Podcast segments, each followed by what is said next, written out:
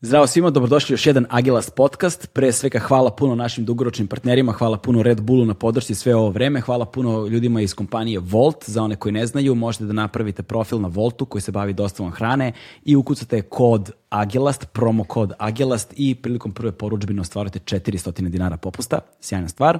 Ovaj, I ovog meseca, u toku novembra meseca, imamo još jedne partnere, u pitanju je kompanija Philips, u pitanju njihov hibridni uređaj koji nosi naziv Philips One Blade. Uh, iz ličnog iskustva mogu da kažem da je sjajan zato što uh, on trimuje, brije i oblikuje u isto vreme. Uh, vrlo je jednostavan za korišćenje, vodootporan je, ima bateriju koja dugo traje, dakle Philips One Blade. Uh, ukoliko vas zanima nešto više o proizvodu, imate link u opisu profila i to bi bilo to za danas. Hvala puno svima koji nas podržavaju preko Patreona i preko Paypala. Ukoliko želite da nam šaljete jednokratne donacije preko Paypala, to možete uraditi preko linka u opisu videa, to jest opisu podcasta, na zavisno na koje nas platforme slušate.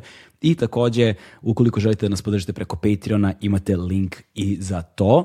A naš današnji gost – je čovek uh, sa kojim komuniciram već neko vreme i koji je sjajan tip, za vrlo kratko vreme napravio 100.000 subscribera na svom YouTube kanalu, nekada radi u ekipi iz Dnevnjaka, radi uh, svoje skečeve sa druge strane, radi sa ogromnom televizije, sa marketinškim agencijama kao copywriter, razgovarali smo o njegovom životu, o projektima koje radio, o njegovom YouTube kanalu, ali smo razgovarali i o svemu i svačemu. Inače, ovo je podcast koji malo izlazi iz formata koji smo do sada radili, ali je svakako bilo uživanje sesti i razgovarati sa njime. Naš sledeći gost, Miloš Milaković. Uživajte.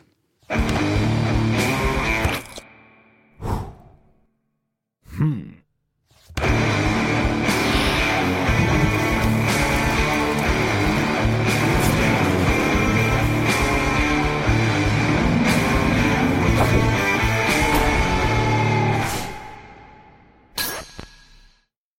Jesi dobro stigo kućo?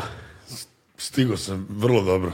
Sati 15 je neko prolazno vreme do Beograda od Novog Sada, ali ovde kad uđeš uopšte više ne voziš, nego gledaš da izbegneš sudar. Znaš, u Novom Sadu voziš, ali da, da. u Beogradu gledaš da izbegneš sudar. da, posebno kad dolaziš ove jutarnje termine, ovaj, jer onda su ljudi baš nadrkani. Ono. Pa da. Znaš, a kad prođeš onaj prvi špic, onda ide ona ekipa što kasni na posao. Da, ali ja se najviše bojim ekipe koja vozi kombi. Uje što? Pa kombista je najluđi uvek u Zato što njega nije briga, on vozi, to je službeni auto da. i on će preći preko tebe ako, da. ako mu nisi dovoljno ono, Veliki je, službeni je da. i obično su već ofucali kombi. Nisu I neki... pijan je vjerojatno vozač. je... Ako je iz noćne smene je. Čak i jutarnje, oni najviše vole ujutru. Da. E, kad smo već ovaj, kod, eh, kod, eh, kod pijenih vozača. Ja sam ti doneo jednu rakiju. To ćemo, pazi, radit ćemo degustaciju danas različitih Dobre. rakija. Ovaj, ali ovo je prva I um, pošto, znaš ono, kad je boca od Coca-Cola, a čep od Sprite-a, unutra je rakija, tako znaš. Je, tako je. I onda obično idu, uh, i onda obično te rakije idu u ambalažama koje su sve i svašta, samo ne adekvatna ambalaža. Pa sam ja sipao u ovu što bi... Što bi ne, car Lazar pio iz nje. Ne, ne, pa ja mislim da je preza sake ili tako nešto, nemam pojma. Ovo je supruga kupila. Ove, ovaj, ova rakija je, mi je zovemo zakomka. Dobro ovaj, zato što je sela Zakomo, uh, blizu Ini Rogatice, istočna Bosna. Ovaj, to tu, je Romanija. Da, e, tu, da. Ovaj, I um, ovo smo mi pekli sad baš. Tako da, na šta, nije, nije, ovaj, nije odležala. Ja. ja sam ti doneo jednu rakiju od mog prijatelja koji je automehaničar. Izvoli, kojeg... ti ćeš.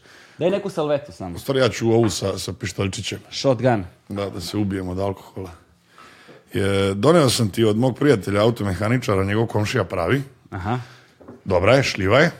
A ovaj, sledeći put kad se vidimo, ne, mislim, nećemo snimati, da, ali ću ti doneti od mene i od kuma što smo pekli. Aha, ovaj, to je prepečenica. E, a to sam provalio, ovaj, da u Srbiji masovno vole prepečenice. Znaš, kao masovno, gde pa. god da sam bio, uvek je prepečenica, znaš, uvek je kao taj Kao dva, put. dva da. puta. Nije mi jasno za, a recimo kad mrneš i van Srbije u Bosni, na primjer, skoro niko ne peče. Ali oni tamo, koliko sam skontao, prave dosta jaču rakiju. A mi onda ovde malo kad je prepečemo, znaš... Pa nije, znaš kako, ja mislim, da se ne mogu sad kažem da sam obilazio ne znam šta i da imam ne znam kog iskustva, ali ono što sam bio, znaš, bude to ono standardna rakija, 40 otprilike, razumeš, znači kao bude standardica, ovaj, uh, i, i, i izlazi kao kad se jednom peče tako da. izađe, da. razumeš? I mislim da je to ono, sad, sad zavisi kako džibra, Pa dobro, da, mislim i, i zavisi od majstora. Aha, pa da, i od Jer, i ko donese kazan, on, on pravila ustanovljava, tako da mora biti takva kako on, ono, ajde živeli. Ajde, preživeli kuća. Da. Znači, ovo nije još odležala, ali je sveze. Znaš što kažu, dobra je. Jeste, brate. Ne možeš ti sad, realno, nikad nisi doživio da neko popi rakiju i kaže, a u, što je loše. Jesam. Ja nisam nikad. Stvarno? Pa ono kao, ok, sutradan, kao znam da je bila đubre. Aha. Ali generalno kao kad probaš, bar ono iz poštovanja, znaš, nećeš reći ono kao loše. A dobro, ne, ja, ne, ne, neš, kad je baš loša rakija. Ovo je malo jače. Ma, pa, pa nemam pojma, meni je standardica. Dobro. Standard, znaš šta je fora? Ovaj, e, za piva mi je to e, slučaj, kao e, domaća piva merim isključivo po tome od kojeg mi je manje loše sutra sve ostalo mi je isto. S tim što je pivo, ja sam prestao recimo da pijem kraft pivo, zato što kao, kad popijem flašu kraft piva, kao da sam pojao veknu hleba. Ali majke me, baš me onako, ne, pre, prestao sam i ono, ne prija mi uopšte više, tako da žestina mi ono najviše odgovara. Meni je sa kraftom problem, zato što nekako super su mi za jedno piće. Pa, Znaš, to, kao, da. ili neki prejak ukus, prejak miris, e, nešto u vezi sa time ga čini toliko specifičnim da ne mogu da sedim i da ga pijem celu noć. Posebno ova citrusni, pa ne, ne znam ti ja šta. Nema šans. Znaš, to, če, često su mi ova mutna piva, ne mogu ni od toga da se napijam. To, znaš, pojede popijem dva kod da sam pojeo to kilo pa hleba. Ne, ne, staut jedan popiješ, to je gotovo. to je kao kova ono da si, da si, ne znam, zakovo si se bukvalno. Da, da, da, da, I neverovatno je kako mala razlika u procentima alkohola čini ogromnu razliku, ono. Da Ne, bote. Ali meni najdraže, znaš, kad piješ pivo 9,5% alkohola, to je onako nekako tešiš sam sebe da, da kao piješ pivo, a zapravo se usereš kao da si popio ono... ono... da, ima, ja sam probao neko 9, nešto, da li, da li je onaj neki, neka Baltika, jel tako nešto se zove, ima neki... A i sad baš, imena je baš sad, ja po dizajnu sad sam razlikujem, mnogo više ošte da skontam čije, čije, jer stvarno su ovi naši odradili dobar posao, sve etikete izgledaju jako svetski. Da, da, da. da, da. da. Tako da, ima stvarno, ima tih dobrih piva Ne, ne mogu da kažem. Da, Ja, pazi, ovaj, ali ima jedno pivo, to bih voleo da probam, čisto ono da kažem da sam ga probao. Mislim da je to najjače pivo na svetu. Da, ono pa, ima nešto 60-70%. Tako, tako 64% da. alkohola mislim da je u pitanju. Ove, ovaj, zove se Tactical Nuclear Penguin. I onda ima ceo jedan video na YouTube kako su ga pravili, to je ludilo. to mora se pravi u nekim ono... Zvuči kao nešto je South Park napravio neku epizodu. Bukvalno, brate. Digam. I tako izgledaju ortaci koji su ga pravili, razumiješ? Da. Bukvalno, znaš. I to je nešto što bih volio da probam, ali sam čuo umeđu vremenu da su verovatno napravili još jače pivo, znaš. Tako da ja više nemam pojma da li to ima ikakvog smisla u životu. Pa ne, bilo je smisla kad je absint bio ono kao najjača fora, kao pivo absint, kao zeleno i kao jako puno se napijoš od toga, ali mislim sad kad pogledaš mm. realno ništa, ova rakija iz Bosne mnogo više udara. Da, e, pazi, ovo smo se napili jednom od ove i, znaš šta, sutradan sam bio kao rosa. A to je najbolje, znaš, mhm. šećera, ako nema puno šećera, ako nije pretrpano i... Ne, ne, ne, nije ništa nula, brate. To je, znači, to je najbolje. Samo ono što je zrilo kroz voće i to je to, nije ono kiseljena dodatno. Pa da, ali mora biti i rod dobar. A je, je, je Džaba je... sve ti, i kazani, majstori, sve ako je šljiva gnjila. Da, da, da. da. jedini je problem sa dunjom, ovaj, pošto mora baš mnogo dunje da ide za litar i onda se vrlo da, često, da. i onda se vrlo često, ovaj, jer je suva voćka, vrlo često se dodaje šećer. Ono, kako 2% šećera se baca da kao zakiseli malo jače, znaš, i onda to može da bude problem. Pa i te rakije nekako, znaš, ja izbegavam da pijem to dunja, ima i malina, da, ima da, i da. svašta, jako su mi lepljive, kao onaj kruškovac, ako se sećaš, to, je, to, je, to je otrovčina najveća. Šta je kruškovac? Kru, kruškovac je, to je, mislim, rakija, ali to nije rakija, to je, teč, to je med, malo, malo tečniji. Uje. Neka. To je toliko slatko, mi smo to pili kao klinci. Baš, verovatno ću živjeti dosta kraće zbog toga. Ovo, ostavit će neke posledice dugoročno, ali izbegavam generalno sve te slatke rakije. Dobro, kad dunju napraviš da je baš dobra, onda mm, okej. Okay. Da. Ali ovaj, najviše volim to kajsija, šljiva, to onako malo, malo, malo više režu. Da, da. Dobro, loza isto, to je dobro. Pazi, ali ka, dunja, znači meni, nik, ja kad vidim dunju, ne znam, u malo prodaj, i kao prodaje dunja kao ne znam 120 dinara, 130 pa. dinara. Brate, kako to Dunju videlo nije, A, pa da. brate, da. razumeš? Znači, pošto... Step re... sok, ono, da, poku, razumeš, kao, znači, Dunja, ako ne znam, ono, ne nestaneš nikakav dodatni šećer, ono, ume da bude i po 30 kila za litar. Brate, da, znači, da. Ne može čaša u malo prodaji da te košta 130-150 dinara, pa ne znam šta je. Pa ja i kum smo u Mitrovici imali tu priliku da kao klinci, pošto je, nismo imali baš nešto puno kinta, onda smo kupovali Aha Prodavao nam je lik strafike rakiju od e, jagode, ali u, wow. u Knjaz Miloš 05 flaši. I to je, mislim, nije, nije, nije se očešalo jako, ali ovaj, i težak otrov je bio i e, ono... E, čekaj sekund, drugari, hoćete rakije? E, ajde, brate. Molim vas, ne može to tako. Da, moraju. Morate zakon kuda probate. Njima je najteže, sede ovde slušaju nas dvojicu i gledaju da budemo oštri. E, slušaj, dobar si ti, znaš ko, s, kak, s kakvim sam sve ljudima sedeo. Žalim se, svi moji gosti su bili carevi. A, brzo si se iskupio za ovo. Ovo, ovaj, ajde, ljudi, žive. E, ajde sad ovako, čekaj da nazrimo. Prvo, prvo čestitam, brate, na 100.000. Hvala. Hvala, čestitam na podcastu. E, hvala kućo, hvala kućo. Moj. prvi put. E, uzdravlje. Mm. Znači, čestitam, brate, na 100.000 subscribera. O, napravio si ono ogroman skok za vrlo kratko vreme. I to mi je beskreno drago zato što, ok, nije da sad ja nešto pratim YouTube scenu, naš, ili da, ili da pratim, naš, generalno tu vrstu kontenta, ovaj, pa ni ne znam čega sve ima. Jer ono što sam ranije viđao nekako mi je bilo baš previše trash i kao nije mi bilo, ne znam, ni smešno, ni zabavno. I nisam se nikada uključio, možda sam i previše mator, nemam pojma. Ali, ovaj, ali mi je drago zato što sam pogledao ono, kad sam, pre nego što smo ti ja počeli komunicirati, video sam nekoliko tvojih videa i bio sam, ono, brate, znaš, smešno je jebote, razumeš? Smešno, autentičan si lik, autentičan si karakter i nisi banalan i ne pristaješ na svašta, što mi ono, znaš, održavaš ono neki nivo i, bra, i znaš, sa nekime ko drži do sebe, a napravi tako brzi napredak, ono, to mi je uvek za svaku pohvalu tebra, čestitam. Sa koliko si napravio s to sama? Pa devet meseci mislim da sam okačio onu sliku s kolicima da, da, da, da, da. od kuma kojeg treći put spominjem od kad je počeo Kako ovaj se zove kum, brate? Da, kum moj Marko Jovelić, to je moj drugar ceo život, ovaj, pa non stop gde god nešto naš, sa god se dešava, tu je i on, pa on rekao je logično da ga uvek uključim i kroz priču, da. ovaj, pa sam uzeo njega kolica, pošto je dobio dete skoro, pa sam onda stavio to dugme, nemaš kao neka simbolika, ono čisto, jer sam sedeo kući kao, ha, sto hiljada, malo je zakasnilo to dugme, ok, to stiže sad ova korona i sve što se dešava, I onda sam skontao kao kad sam ušao na YouTube, e, prvi video kad je objavljen, piše kao 9 meseci, kao pre, pre, pre 9 meseci. Pa rekao, znaš, kao je napravim neku simboliku, kao eto, dijete. Da, da, da. da. Ovaj, I onda sam, eto, okačio čisto kao mali jubilej. Mislim, drago mi je, znaš, ne mogu reći da mi nije drago. Pa jasno. Ovaj, I, ok, YouTube scena kao YouTube scena ima, ima jako kvalitetni stvari, ovaj, ne, ne, ne može to da se ospori, ali generalno je taj ceo sadržaj krenuo kroz taj neki malo trash, kako kažem, kroz neku trash formu, ono, znaš, kad ti izbacuješ video svaki dan, a da. ne, video nema radnju. Da.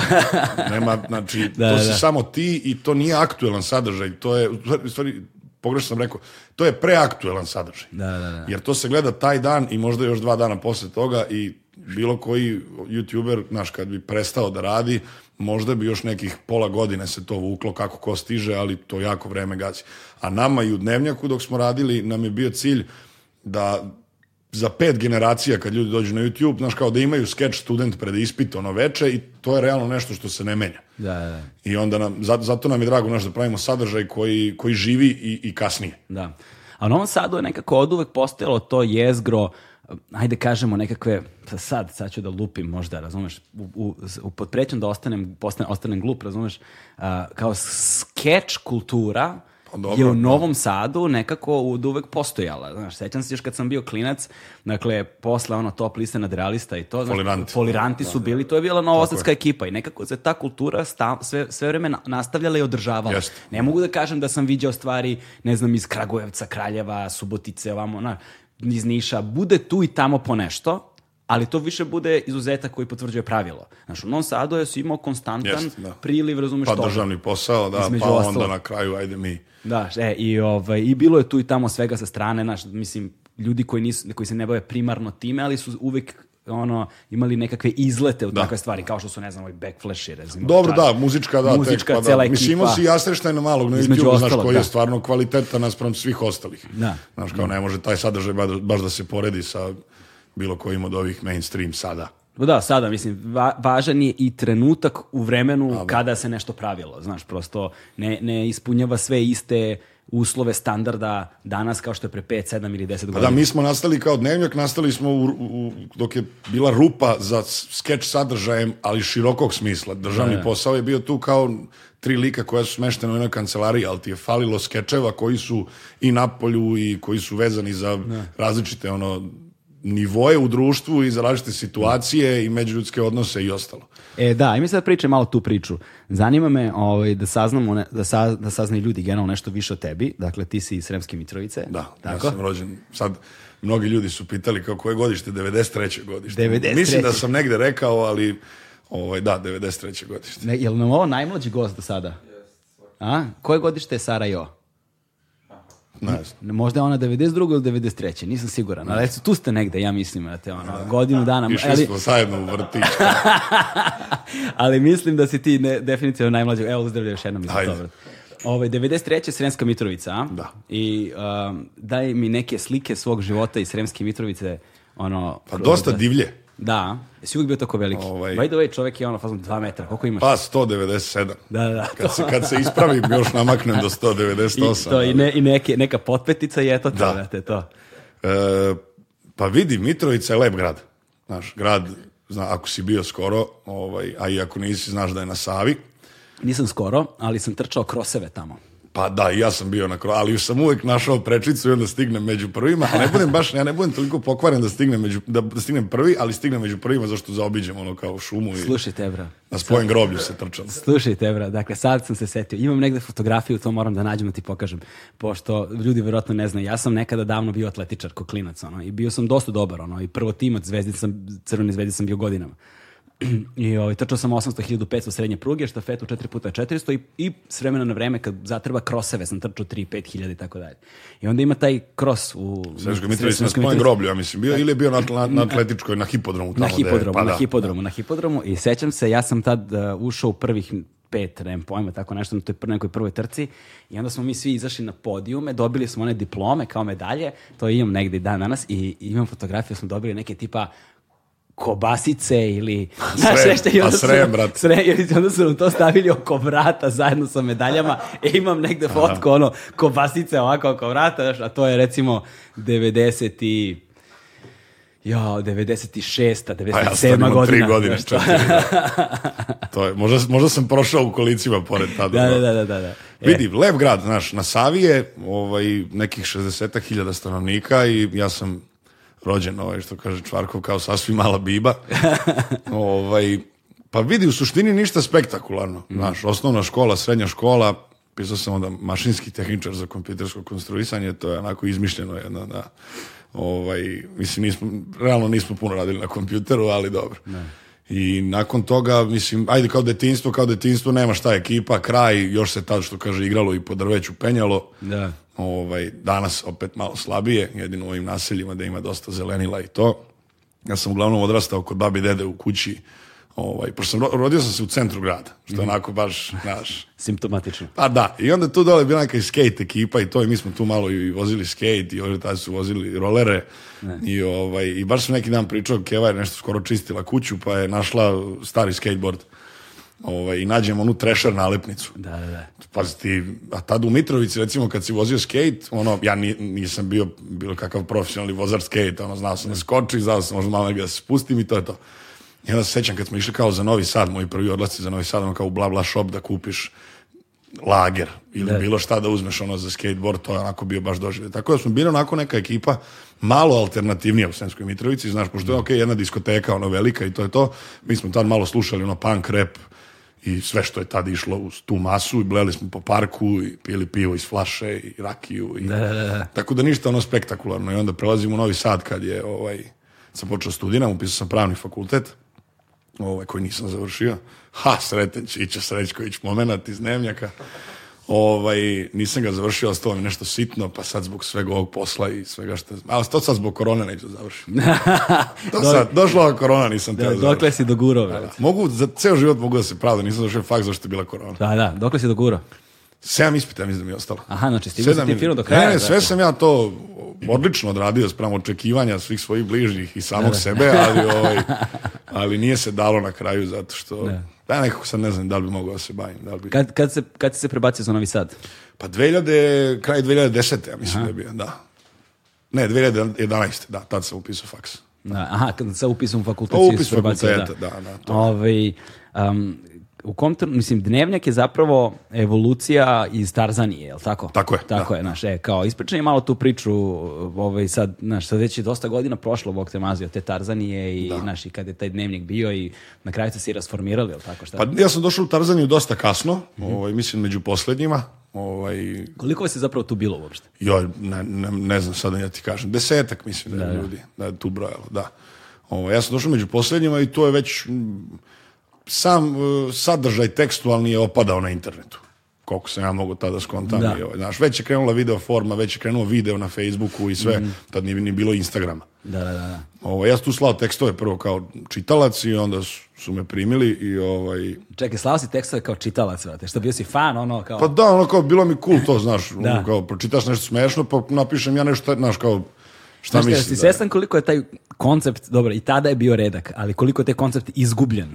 Pa da. Znaš, pa mislim, pa da. kad sam ja odrastao kao klinac, to je negde bila znaš, uh, imao si uticaje tradicionalnih medija, ali nije bilo toliko velikog izbora. I onda ono što je konzumirano jednom dok se pojavi nešto sledeće, Tako prođe trok, da. ogroman vremenski period. Onda mi umeđu vremenu recikliramo, da. pokušavajući da stvorimo i sa... I onda smo uglavnom inspirisani nekim sadržajem sami stvarali. Znaš, tako i s vremena na vreme, ako se odvažiš, pošalješ nekome nešto, u fazonu si pa šta, možda objave, možda vide, možda me pozovu. Ma da, Znaš, možda samo te ono javno okače, izblamiraju to, pred da, internetom, pošto je to bio taj manir. Ali taj, ali taj impuls da ti to uradiš, ono, znaš, to je, to je nešto što je, mislim da je dosta redka osobina. Pa dobro, znaš, kao to je, nisam to gledao kao nešto ono, naravno bilo mi je bitno u tom momentu, ali ovaj, nije to sad kao... Ne. Mislim da danas klinci imaju veću tu sramotu i taj neki, u stvari, tu zadršku da to urade, zato što stvarno možda budeš onako jako brzo izblamiran na internetu i da, da mislim, znaš, vidiš šta se dešava sa cyberbullyingom i to da, ostalo, da, da. znaš. Mislim da je to danas mnogo zajebanije nego onda. Jeste, znaš kako, mi smo, uh, učestvovao sam relativno skoro na panelu nekom, uh, e, Ipso Strategic, mislim da su radili, da li je New Media Team i ne znam ko je sve učestvovao, radili su um, istraživanje veliko, takozvano za Gen Z, jel te to, znači generacija Z. Da. Ove, ovaj, to su dakle klinci posle 96. rođeni. Ovaj, neki kažu da su kao klinci rođeni 2000-te, ali neki kažu da su posle 96. Mislim da, se, mislim da je neka odretnica, odretnica to, klinci koji su odrastali sa digitalnim uređajima u rukama. Ovaj, I ta istraživanja su pokazala godinu dana je rađeno istraživanje vrlo opsežno po svim školama, osnovnim, srednjim i tako dalje. Ovaj, I pokazalo se da postoje velika odstupanja od svih prethodnih generacija koje su istraživale do tada. Sigurno. Milenijalsi pre toga, pa ne znam i tako dalje unazad. Ovaj, I jedna kategorija koja se pokazala kao uh, kao konstanta u svim tim istraživanjima jeste da je ogroman broj tih mladih um, imaju ono tipa po dva profila na društvenim mrežama. Znaš, kao ima jedan privatan, da, samo jedan za ekipu, zaključan, ono, zaključan kao, to. to. je kao za ekipu, kao ovde, samo su BFFs i te fore, i drugi koji je kao javni. Uh mhm, -huh, da. Znaš, i da postoji, da velika većina njih e, konzumira sadržaj, ali da je vrlo mali broj njih su kreatori bilo kakvog sadržaja, da se zapravo imamo neku voajersku kulturu koja se odlučuje više da gleda i da prati nego da proizvodi i to se objašnjava time što je odnos nagrade i kazne a, značajno veći nego kad Pa nagrade i nema, malte ne. Pa ne, ima, pazi, znaš, kad sam, recimo kad sam ja bio u osnovnoj školi, brate, uh, znaš, ako se sad nešto izblamiram, za 20 godina ja i pet mojih drugara koji su tome prisustvovali pijemo pivo i smejemo, sećamo se tog događaja, da. razumeš? Klinac danas ako se izblamira, svi mi mobilne telefone završi online, burazeru, odeti život. Ali to je kazna. To je kazna. Ali, na, ali nagrada isto da. tako možeš preko noći da postaneš zvezda. Isto tako, da li muzičar, da li ovaj, da Mislim da li... da i to kazna danas. Znaš, tako da, Istina. da. Istina. Znaš, pogotovo rano, baš u tim godinama, ja ne znam, ja kad god pomislim da njih osuđujem, ja zamislim sebe da imam ono 14 godina i da me ceo region zna. Da, da. Možda bi se navukao na heroin, nemam pojma. Da, mogu, mislim, ja, ja zaista verujem da to užasno opasno. Pa, to užasno opasno. Jel možeš zamisliti mozak, ono kao deteta od 14 godina, jer to je zaista dete. Znaš, ja, ja mislim da sam ja do 35. godine bio dete od 14 pa, da, Pa da, pa mislim, nama sad ovo kao, i to ovaj nivo popularnosti koji nije svetski, nije, da. ok, tu hvatamo region, možda malo dijaspore, ovo je naše što je rasuto po, celoj, po celom svetu, ali znaš, nije ti najprijatnije uvek i plus ne, ne praviš ti pare koje prave ti klinci. Da, da, da, da. da. da. Znaš, i onda zamisli to kad imaš, ono, kupiš najnoviji auto, ono. Da, da. Doći ćemo, doći ćemo do, do, do, teme novca i da demistifikujemo malo kako i koliko se zarađuju pare na pa da. internetu od ovoga što mi radimo. Ovaj, znaš, posebno, posebno mi je zanimljivo zato što, mislim, ja se ne uključujem u komentare nikad, ono, zato što mislim da to potpuno besmisleno, ali, ali s vremena vremena, vreme, znaš, tako do, dopre nešto i onda ti vidiš, znaš, kao da ljudi pokušavaju da rastumače, da te pročitaju, da te ono, naš, analiziraju na nekom nivou koji ono, ti, vidi, ti vidiš iz analiza da apsolutno ne razumeju. Meni je juče bivša cimerka poslala screenshot na Redditu. Neki dvoje ljudi pišu o meni i nešto su iskomentarisali kao bilo bi dobro da Milaković snimi e, kao reakciju, kao šta se dešava na srpskom Redditu, kao što sam radio za kupujem, prodajem za, ovaj, da. za upravu carina i to. I onda ispod neki lik dođe i napiše e, on je u sukobu sa Redditom. Ja prvo nisam imao, na, nemam nalog na Redditu. Sad sam, sinoć sam ga napravio, sad ću ti ispričat zašto. ovaj, I sad meni je to neka jako zanimljivo. Ti imaš ženu i dete, pa naravno da ne treba da se baviš komentarima, znaš, ovaj, a ja još malo onako imam nekog vremena, mogu da, da, da, se, nekad mi je nešto baš zanimljivo. Ovaj, I onda sam napravio nalog i pročitao sam neki lik da napisao kao on je u sukobu s Redditom zato što je uh, okačio sam neki video tu, pa sam ovu nebulozu. I onda mi je neko rekao da sam ranije bio mršaviji, Pa sam se ja naljutio i onda sam kao obrisao snimak. Ne, obrisao sam post, ali sam obrisao i snimak sa Reddita, sa YouTube. I navedek snimak koji je primer, to je kad sam pevao neku pesmu Dipčeta Ahmedovskog ovaj, na playback, neka zajebancija je bila između dva, tri skeča snimanja, koji zapravo nisam skinuo ja, nego je skinuo Grand ili Discos, koji su vlasnici autorskih prava, na YouTube-u ne možeš sad više celu pesmu da, da, da. da pljusneš.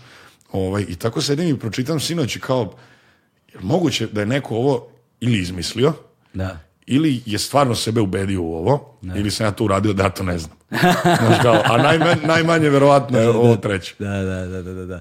Znaš kako, znaš kako ovaj, to je jedna stvar koju sam davno shvatio, pošto, jel te, znaš, to što sam počeo da radim ovo relativno skoro, ne znači da sam ja u svemu ovome nov. A pa naravno. Znaš, kao ja sam veteran. Pa duže si od mene i od bilo koga od nas u medijima kad pa, pogledaš. Pa to, znaš, 20 puni godina sam ja, ja da. tu, Znači, I onda nekako imao sam ja tu evoluciju od tradicionalnih medija, znaš, ja sam prvo pisao za časopise, pa sam radio, znaš, neko im radio. Ti si krenuo od klina i Da, to, to, bukvalno, znaš, star sam poput Biblije, da, i onda, i onda čekaš da izađe broj, pa znaš, pa moraš da adaptiraš tekst na veličinu koju imaš u časopisu, znaš, tebi da. je fizičke dimenzije ti određuju veličinu teksta, znaš ovaj, rubri, fizičke dimenzije rubrike, znaš. I onda, i onda bile te radije stanice, pa bile te male televizije neke, znaš. I onda sam tu imao evoluciju kao online-u i sada na kraju na ovim digitalnim platformama, jel te, kao podcast platformama, društvene mreže i to.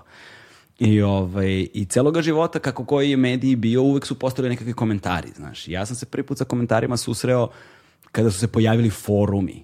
Znaš to, for, da. ono, B92 forum, Krstarica forum, znaš, ne znam šta je tad još bilo, ono, Da, klaboteka, klapko Jurs, kako Dobro, se bio je, ne, Burek nije kod nas. Ovaj. Burek da. jeste, da, da Burek je bio, bio ali, bio, ali, da, na Bureku, ali na Bureku nije bilo toga, znaš, ja mislim da je... Radivizija je bila, da, dobro, to, to je ali 92. forum je tu bio, uh -huh. znaš, u stvarima kojima sam se ja bavio, tu je bila ta alternativna beogradska ekipa, šta god, razumeš. I, ovaj, a, I tada se prvi put suočavaš, to znaš, brate, ima više od 20 godina kako sam se ja prvi put suočavao sa komentarima na internetu. Znaš, mislim, stvarno bi bilo idiotski da ja 20 godina kasnije dalje čitam komentare na internetu. Ali, se uvek, ali, ali samo tada do danas shvatio da ovaj, šta god da uradiš, ljudi će formirati svoje mišljenje, da. bez obzira koliko da. god si ti trudio da svoje mišljenje promeniš, upakuješ, da im objasniš, da dokažeš šta god da uradiš ljudi će da kapiraju svoje. Da to samo to. dvojica ljudi to mogu bez, i to su Memedović i Zdravko Čolić. Da, da, da. Šta god da urade ljudi će misli dobro o njima, tako da, da nema nikakvih. To mi možemo malo da se zajebao, tu, da, da. da, pokušavamo nešto, ni dvojica šta god da urade. Ono. Da, dogovarao sam se, čuo, čuo sam se s Memedovićem bio za gostovanje, ovaj, dopisivali smo se zapravo, uh, on, je, naš, on je rad, ali kao na, na selu je i kao doći će ko zna kad. A pa, brate, pa Znaš, najbolje, a najbolje. Što je, to ti sasvim dovoljno govori o tome koliko čovjek, pa brate, koliko ga nije briga. Ono. A da.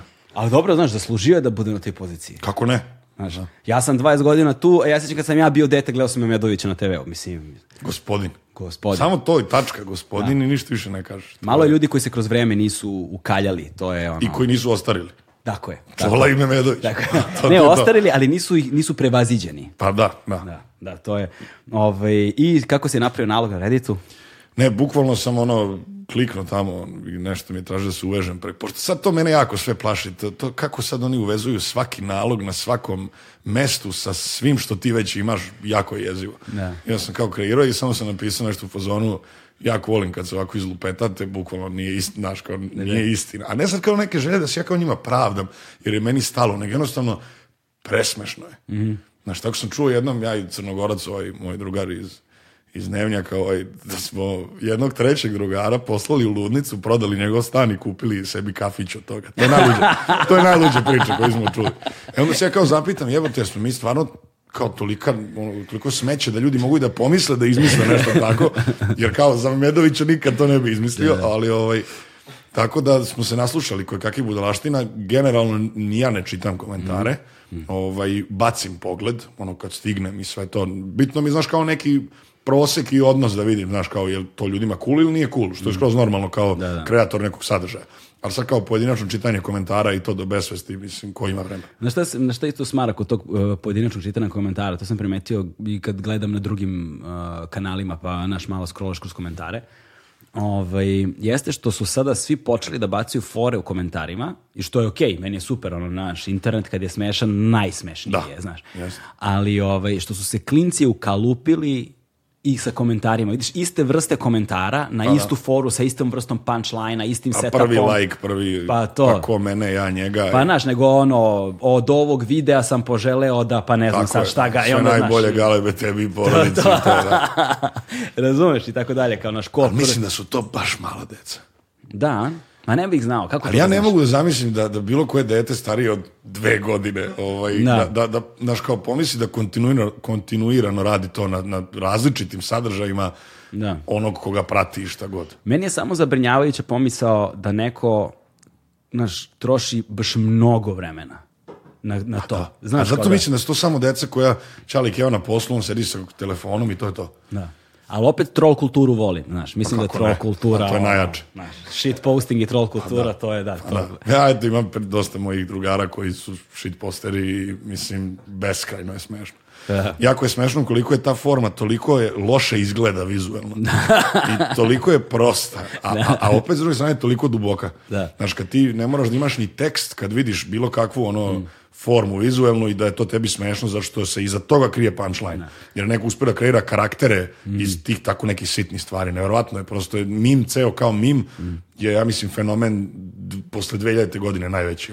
Ono što mi se dopada kod mim kulture, sad znaš ulazimo u dublje filozofsko područje, ove, ovaj, jeste što ima a, koncept parodije i, i satire, gde zapravo šta god je to što se ismeva, pretpostavlja čitaoca, odnosno gledaoca, koji razume tako kontekst je, onoga. Što znači da se ti zapravo igraš sa već postojećim pre, sa postojećim kontekstima, razumeš za koje se pretpostavlja da su opšte mesto u da. društvu da. i onda ih razumeš ili razgoljićuješ ili izvrćeš ili radiš sa njima nešto, a to pritom deluje mi da funkcioniše toliko intuitivno Znaš, da nije neko da. sad sedeo i promišljao. Ma nego kakvi, da se... to ide uvek sve na keca. Da keca. Pa, znam da. ja kad ja napravim koji mim, znaš, to je ono bukvalno sekunda, dve i ono kao samo nađeš koji ti odgovara ili nađeš mim koji ti odgovara i za sekund je već tu nešto što se uklapa da. u sliku, tako da ovaj... I, i pa, pa to ti pokazuje koliko shit postera ima i koliko postova da. dnevno ima. Da, e, sad već kad smo kod toga, ti ne izbačuješ često videe zapravo. Ja sad vremenski, pošto radim i u marketing agenciji i radimo i serijal za ovaj kladionicu i trudim se da negde to bude između dva i četiri mesečno videa. Aha. Znaš, to je negde i meni sad trenutno nešto što mogu da izguram. To je jedan, bez... jedan nedeljno do jedan u dve nedelje. Pa tako, otprilike, da. da. da sad sam, poslednji sam izbacio od današnjeg dana pre jedno osam dana, otprilike. Da. I sad gledam tu negde da uglavim drugi i onda da, voleo bi nekako da bi napravio neki lep plan za, na primjer, četiri mesečno, to je jedan nedeljno i... Da, tako ja radim, onako, da. Pa da. Tako ja radim, jer ja kad sam počinjao, uzimao sam u obzir kao, ajde, šta je to što mogu da postignem sa sigurnošću da kažem, e sad, ako počnem da radim ovako, šta god da se desi, ono, da da, da, da, da, da ono, pada ne znam šta sa neba, razumeš, da se desi ne znam ono, od smrtnih slučajeva do ne znam čega. Da, četiri nedelje ti je. Znači, da video ide šta god da je. Znaš, jer na internetu nema godišnjih odmora, Tako letnjih raspusta, na internetu, brate, ako ne izbacuješ, ćao, razumeš? Jeste. I, ovaj, I onda sam shvatio da je to kontinuitet od jednog nedeljno, posebno što u ovakvim formatima znaš šta, za dve godine, tri godine i razgovarat ćeš sa svim ljudima i šta ćeš da ih vrtiš u krug. Tako je. Znaš, ne smiješ ni da iscrpiš jer je malo tržište, znaš, i onda ide, ostaviš taj prostora da pronađeš nove ljude ili da se možda malo a, um, da se možda malo uradiš neko istraživanje ili uputiš u sagovornike ili u razgovor, koliko toliko da možda ga vodiš barem. Pa i YouTube algoritam voli da. kad je to kontinuitet. Da, između, ne znam, eto već, e, tu sam već slab. Da, pa voli onda, je, on bi najviše volio da je to svaki dan, tri put dnevno. Da. Znaš, zato ti zadruga pravi ono milijarde pregleda. E mi veruješ, brate, sad će ovo zvučati možda pretencijozno, da nisam nikada pogledao njen klipi zadruga. Ne, ne znam, razumeš. Živećeš duže. Da. Ali vidim, vidim taj fenomen, to, se, to, to, sam, to, to sam prvo video pre 10-15 godina da je počelo da se dešava sa narodnom muzikom prvenstveno, pa onda iz narodne muzike to otišao taj trash, ono, južni veter i to, a onda je taj isti, ista matrica počela da se primenjuje na video sadržaj koji isto pokriva tu vrstu treša ovaj, gde je počela se kontekstualizuje kao nekakva nova srpska misa. Ti vidiš ono ljude koji izloče ozbiljne filozofije iz nekog sukoba u zadruzi. Znaš, kao ono feministički diskurs, razumiješ, ono šta, a to rade već uveliko sa narodnom muzikom, kao, znaš, ne znam, a, feministički a, e, stihovi u, u kao, naš, liku i delu, ne znam, Viki Miljković je. Da, te, Da. E, to je sad stvar koju ja zaista ne znam ništa, znaš, pošto nisam, ne, ne znam o toj muzici, ali vidim da si ti... Pa ja volim trash. Majstor toga. Znaš, da, ovaj, da. nisam ja ono kao da pratim sve realitije i to, ne daleko od toga, ali generalno narodna muzika i posetilac sam trash kviza koji je kviz baziran na celoj toj kulturi. Ovo, da. što je besk, mislim, to je samo izgovor da se mi isponapijamo tamo dva, jednom u dve nedelje, ali ovaj, vidi, iz svega ti možda izvučeš nešto zanimljivo. Da. Znaš, ovaj, jer ti iz krajiške pesme, koja je alkohol, više žena i ono, rodni grad, znaš, to je lepo. A da. ti možda izvučeš toga nešto zanimljivo što je, e, e znaš... To je lepo. a da, a pa da. Ima zanimljivosti u tome. Ne znam kako ja sad to tebi da objasnim, pošto si diametralno si suprotno i mislim da ni ne mogu da ti objasnim. Da. ali, Iznenadio ovaj, bi se. Ali, ali, znaš kao, e, nije sve u trešu treš. Jasno, znaš. to je jasno, da. I tu ima neke, šta god ti rekao o toj pesmi, znaš, neki trud, neki rad tu postoji. E da. sad, mi to možemo da... I to jeste najniži neki ono poriv. Znaš, razbi flašu, gađaj ovog, jebi, grebi, nemam pojma. Znaš. ovaj, ali ja nekako i kad blame s ljudima i, i uvek se, znaš, kao trudim da izvučem bilo šta što meni zanimljivo, znaš. znaš meni je jednostavno zanimljivo mi je e, svadba pod šatorom. Da. Zato što je to ono, ne znam, grli ljubi, dohvati srči supu, daj poklone, da. ko je šta dono, kakva je torta, tetke, da. naš ono, najlon čarape. Na, na mikrofon ko je šta doneo, znaš. Pa, da.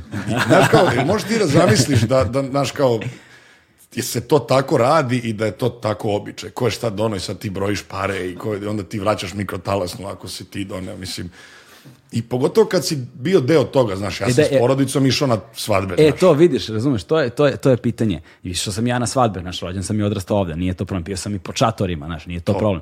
Ali, ovaj, ali nikada nisam zapravo prisustvovao to kad neko uzme mikrofon i kao sada od ovoga i ne znam šta. Dobro, nisam Jesi... ja, to je malo ranije, znaš, bio, ali... Jer ne znam da to fenomen, postoji dalje. Pa ja mislim da postoji verovatno u nekim ono malo zabačenijim krajevima trenutno. Znači, Jer ovdje ako... ide digitalno, da. ovdje je kao na, na Facebooku grupa svadba, pa kao ko šta donese.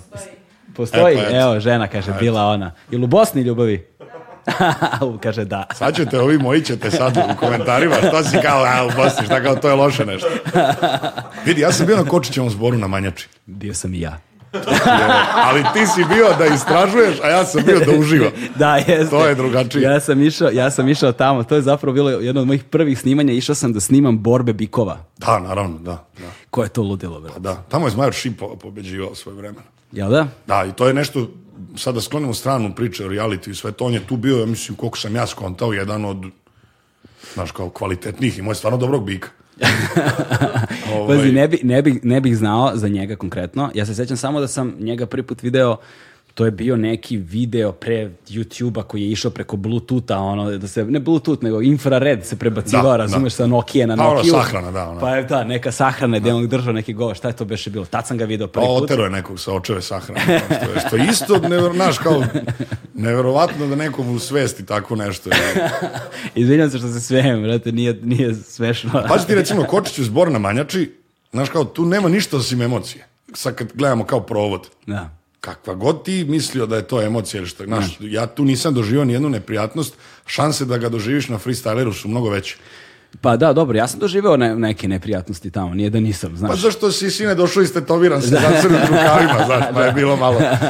Ne, šalim se, ovaj, ali vidi, naravno da u svakom društvu postoji da, da. šansa za incident ali ovaj, ja to nekako gledam s druge strane, to onako neka najsuvlja emocija ljudska. Ne, ne pazi, da se, da se ispravim odmah, svi što Znači, bilo je, ovaj, bilo je neprijatnosti, ali nije bilo ničega što je, što, da se mogu, mogu da anticipiram bilo kakav incident. Pa da. Znaš, to su samo ljudi koji su od devet ujutru pijani tako i mnogo ih je. Tako je. Znaš, tako je. i on ti dobace sve i svašta, ali osim toga Nišče, da. niščega nije bilo, slobodno sam se ja tamo kretao, super sam se zezao, čak sam se ja malo napio, znaš, sve to okej. Okay. Posle Dodik došao da peva po čatorima. Pa normal, pa normal. Pa ne, čekaj, nije zanimljivo, ti imaš kao takav događaj i dođe predsednik, ono, i on peva. Dodik je došao i pevao između dva ražnja, ovako, razumeš, znači, pod šatorom to je ludilo. Čak i da ne voliš sve to, znaš, kao izmakneš se i samo skapiraš kontekst. Predsednik je došao na, na slavlje koje je pod šatorom, gde se bore bikovi, jede i pije do iznemoglosti i on peva. Dakle.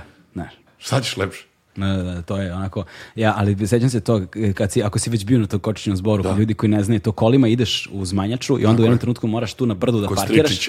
Tako je da parkiraš jer nema više zatvoren put i onda se ide peške. peške. Znači, to je ono 30.000 ljudi dođe. A do parking? Da, to je. Ega, da, nije livada. parking, ok, livada, jesi da. kola. Da, da, da. Je to tamo ono 82. Opel neki i to, tamo dođu ovi naši iz dijaspore, bre, to je mm. malte neko ispred vlade Srbije, ono Tako kola. Je. A sve zapravo a, inspirisano a, pripovetkom Petra Kočića, zapravo jer je Petar Kočić je rođen gore na Manjači u a, delu Manjača koji se zove Gornje Zmijanje. Zmijanje. E, to. I onda je tamo njegova rodna kuća i tu se zapravo održava taj, e, zato se zove... U stvari, ja mislim da se sad održava ona crkva u Stričićima, mislim da, da je tamo baš, da je, da je u tom delu. Da. Ne znam, Ali... ja sam bio prema šest godina. I tad. to je sad ono što svi znaju u Kočićevom zboru, da ti tu imaš kao borba bikova, krkanje i pijenje, ali ti tamo imaš i pesnički deo, imaš Da, ali nisu ljudi mnogo zainteresovani. Pa. Za bio sam i na tom pesničkom delu, nema tu baš publike, pa, znaš. nema, tu dođu... što se dva bika krljaju 200 metara dalje. Znaš, tu dođu ono prijatelji i rodbina ovih što, ple, znaš, to su nošnje, kola, to tradicionalno, znaš, sve, ta je cela kultura na bini jednoj koja je onako sa strane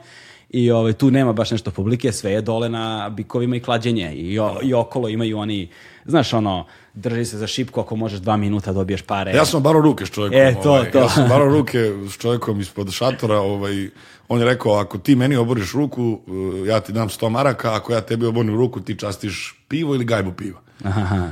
Ovaj, I onda I? sam, pa vidi, ja sam došao tamo, ono, dosta, op, Jasno je bilo, ne možeš ti došao tu iz grada, razumeš, čovek koji radi, ono ceo život radi svaki dan, ono može da odvrne šaraf od točka rukom, razumeš, ti došao s njim kao nešto, ali je bila fora, znaš, to je stvari u tom zezanju i sve to. Da. I naravno da je on mene pustio da ja malo nagnu na njegovu stranu i samo u jednom trenutku, bup. Zaki te polomio sve kosti u pa šaci. Da, da.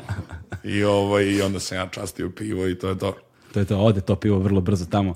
Znaš, ali super je e, e, efekat sunca na, na, na, na, tom zboru, zato što si ti na planinčugi, i na livadi gde nema hlada nigde, Tako zato su er, ergo šatori.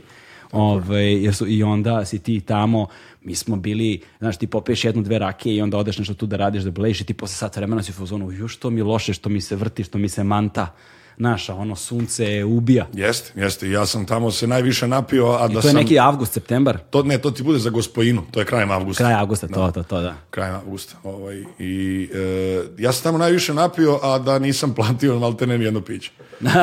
ovaj, a i to, to, nije bio čak dnevnjak, ni nismo ovo radili kao javni posao, bilo kakav, pa sad da, da nas ljudi kao znaju. Prosto je takva atmosfera. Da. E, ti, evo, flaša, evo ovo. Mislim, sad u vreme korone ne i baš dobro to, ali tad, znaš, dodaj flašu, dodaj gajbu. Samo odjednom stiže gajba piva. Ne znam ko je naručio. Si sam ili sa ekipom? Ne, sa ekipom iz Sremske Mitrovice, pošto ja imam rođake gore, u, prvo imam u Banja Luci, pa imam gore i u, mhm. to je, pošto je moj deda iz sela Dobrnja, to je gore iznad Stričića. Da, da.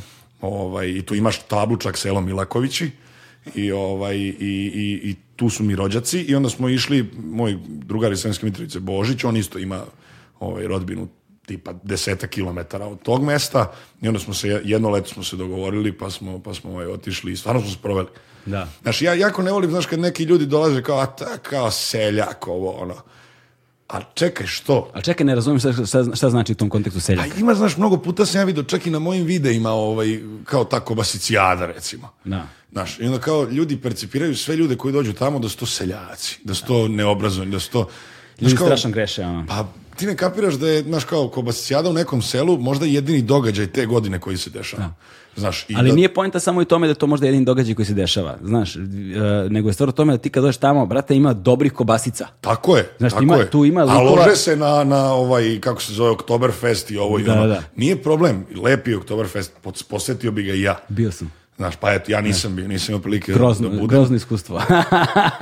ovaj, pa nema Mislim da- bikova. Da, da. ne, nema, nema bikova, znaš, ali je baš je, to je baš turizam, ono. Pa, to je baš turizam. To je znaš, baš kao turizam. s jedne strane se jako ložiš na to, ok, organizovanije mnogo je veći da. budžet spuč, spucan, mnogo je veći marketing odrađen, ali, znaš kao, po mom mišljenju šteta da živiš u Srbiji i ne posetiš bilo kakvo mm takvo dešavanje. Da. to mi je baš nekako mi greota. Da, da. Kogod da ono želiš da vidiš kao centar Zlatibora koji je sad Budva, da, da. Ovaj, znaš kao s te strane zašto ne bi otišao na meni, trku frezama? Meni je, meni je centar Zlatibora više, brate, kao ono, naš, uh, divlje naselje neko, brate, ono, znaš, pa ne, ja sam bio sad, skoro sam bio tamo na snimanju, jer mi veruješ da sam... Ličim na kaluđericu, pa, ono, Pa da, samo kao malo da. je vazduh. Da, i malo više, malo da. Malo čisti, ali pazi, malo čisti. Da.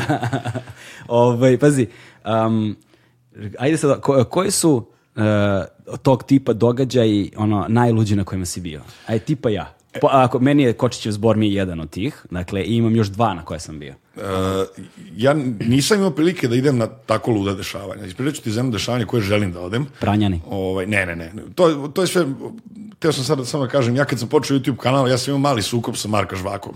Aha. Ovo, ovaj, to možda ljudi ne znaju, ali ja stvarno, znaš kao, respekt prema tim likovima, zašto su oni prvi odradili te neke teme. Da, da. da. Ok, pisali su mi na Tarzan i tekst Kobasicijada i to, znaš, ali oni su kao obišli mnogo više tih manifestacija ovo, ovaj, i u momentu kad sam se ja pojavio, znaš, meni je bio cilj, zašto ja to ne bi uradio isto? Da, da. Jer ja kao, stvarno ne mislim kao da sad neko ne može da radi kao nešto što je dnevnjak. Zašto ne bi da, mogu? Da, da. Naš, ovaj, dobro, to sad... Ne, da pazi, ne niko, ne, niko ne posjeduje ekskluzivno pravo na izveštavanje sa određenih događaja. Sad je pa, stvar o tome šta ćeš i na koji način da radiš. Nesporazum je tu bio, uglavnom ja, naš, kao, ne, ne mislim ništa loše o momcima, svaka čast, ono, i volio bi da sretnemo negde tamo i da skapiraju da ja nisam neki idiot koji je teo da im bilo? ukrade sadržaj ili bilo šta. Pa, Čak je bila neka mala i oko dizajna frka, jer kad sam ja dizajn za thumbnailove pravio, povukao sam ljubičastu i žutu, što je njihova boja, brend. Pazi, ja niti sam razmišljao, niti mi je naš. Da, da. I glupo mi je da se pravdam posle dnevnjaka i posle svega, znaš, kao da pravim sad neki sadržaj koji je autentičan. Ok, temu, temu je neko obradio pre mene, ali šta, da. bože moj, mislim, ja ću je malo drugačije uraditi. Ovaj, I uh, šta se teo da kažem, da, nisam bio na tako ludim dešavanjima, e, znam da je Pranjani, da je, da je dosta ludo, voleo bi da odem na trku Freza, Aha. Frezijada, to je, Gde je to? koliko sam video, ja mislim da je to negde u Hrvatskoj. Aha. Mislim da je to negde na granici ovde u Sremu, što vi kažu. ovaj, I seci ovo, vrate, ovo je da će mi neko vrati. A ovo neću ni naš ovaj. Ljudi razumeju da se šalimo. Ba, pa da. Ovaj, i ima, ima jedan festival na Valjda koji... razumeju, znaš, nemam pojma pa da razumeju. razumeju. nikad ne znaš više, Razumeju. Kakve komentare dobijamo, nisam siguran da ljudi razumeju bilo šta. Dalje? Imaš uh, happening, što bi mhm. rekli, ovaj, u Teksasu.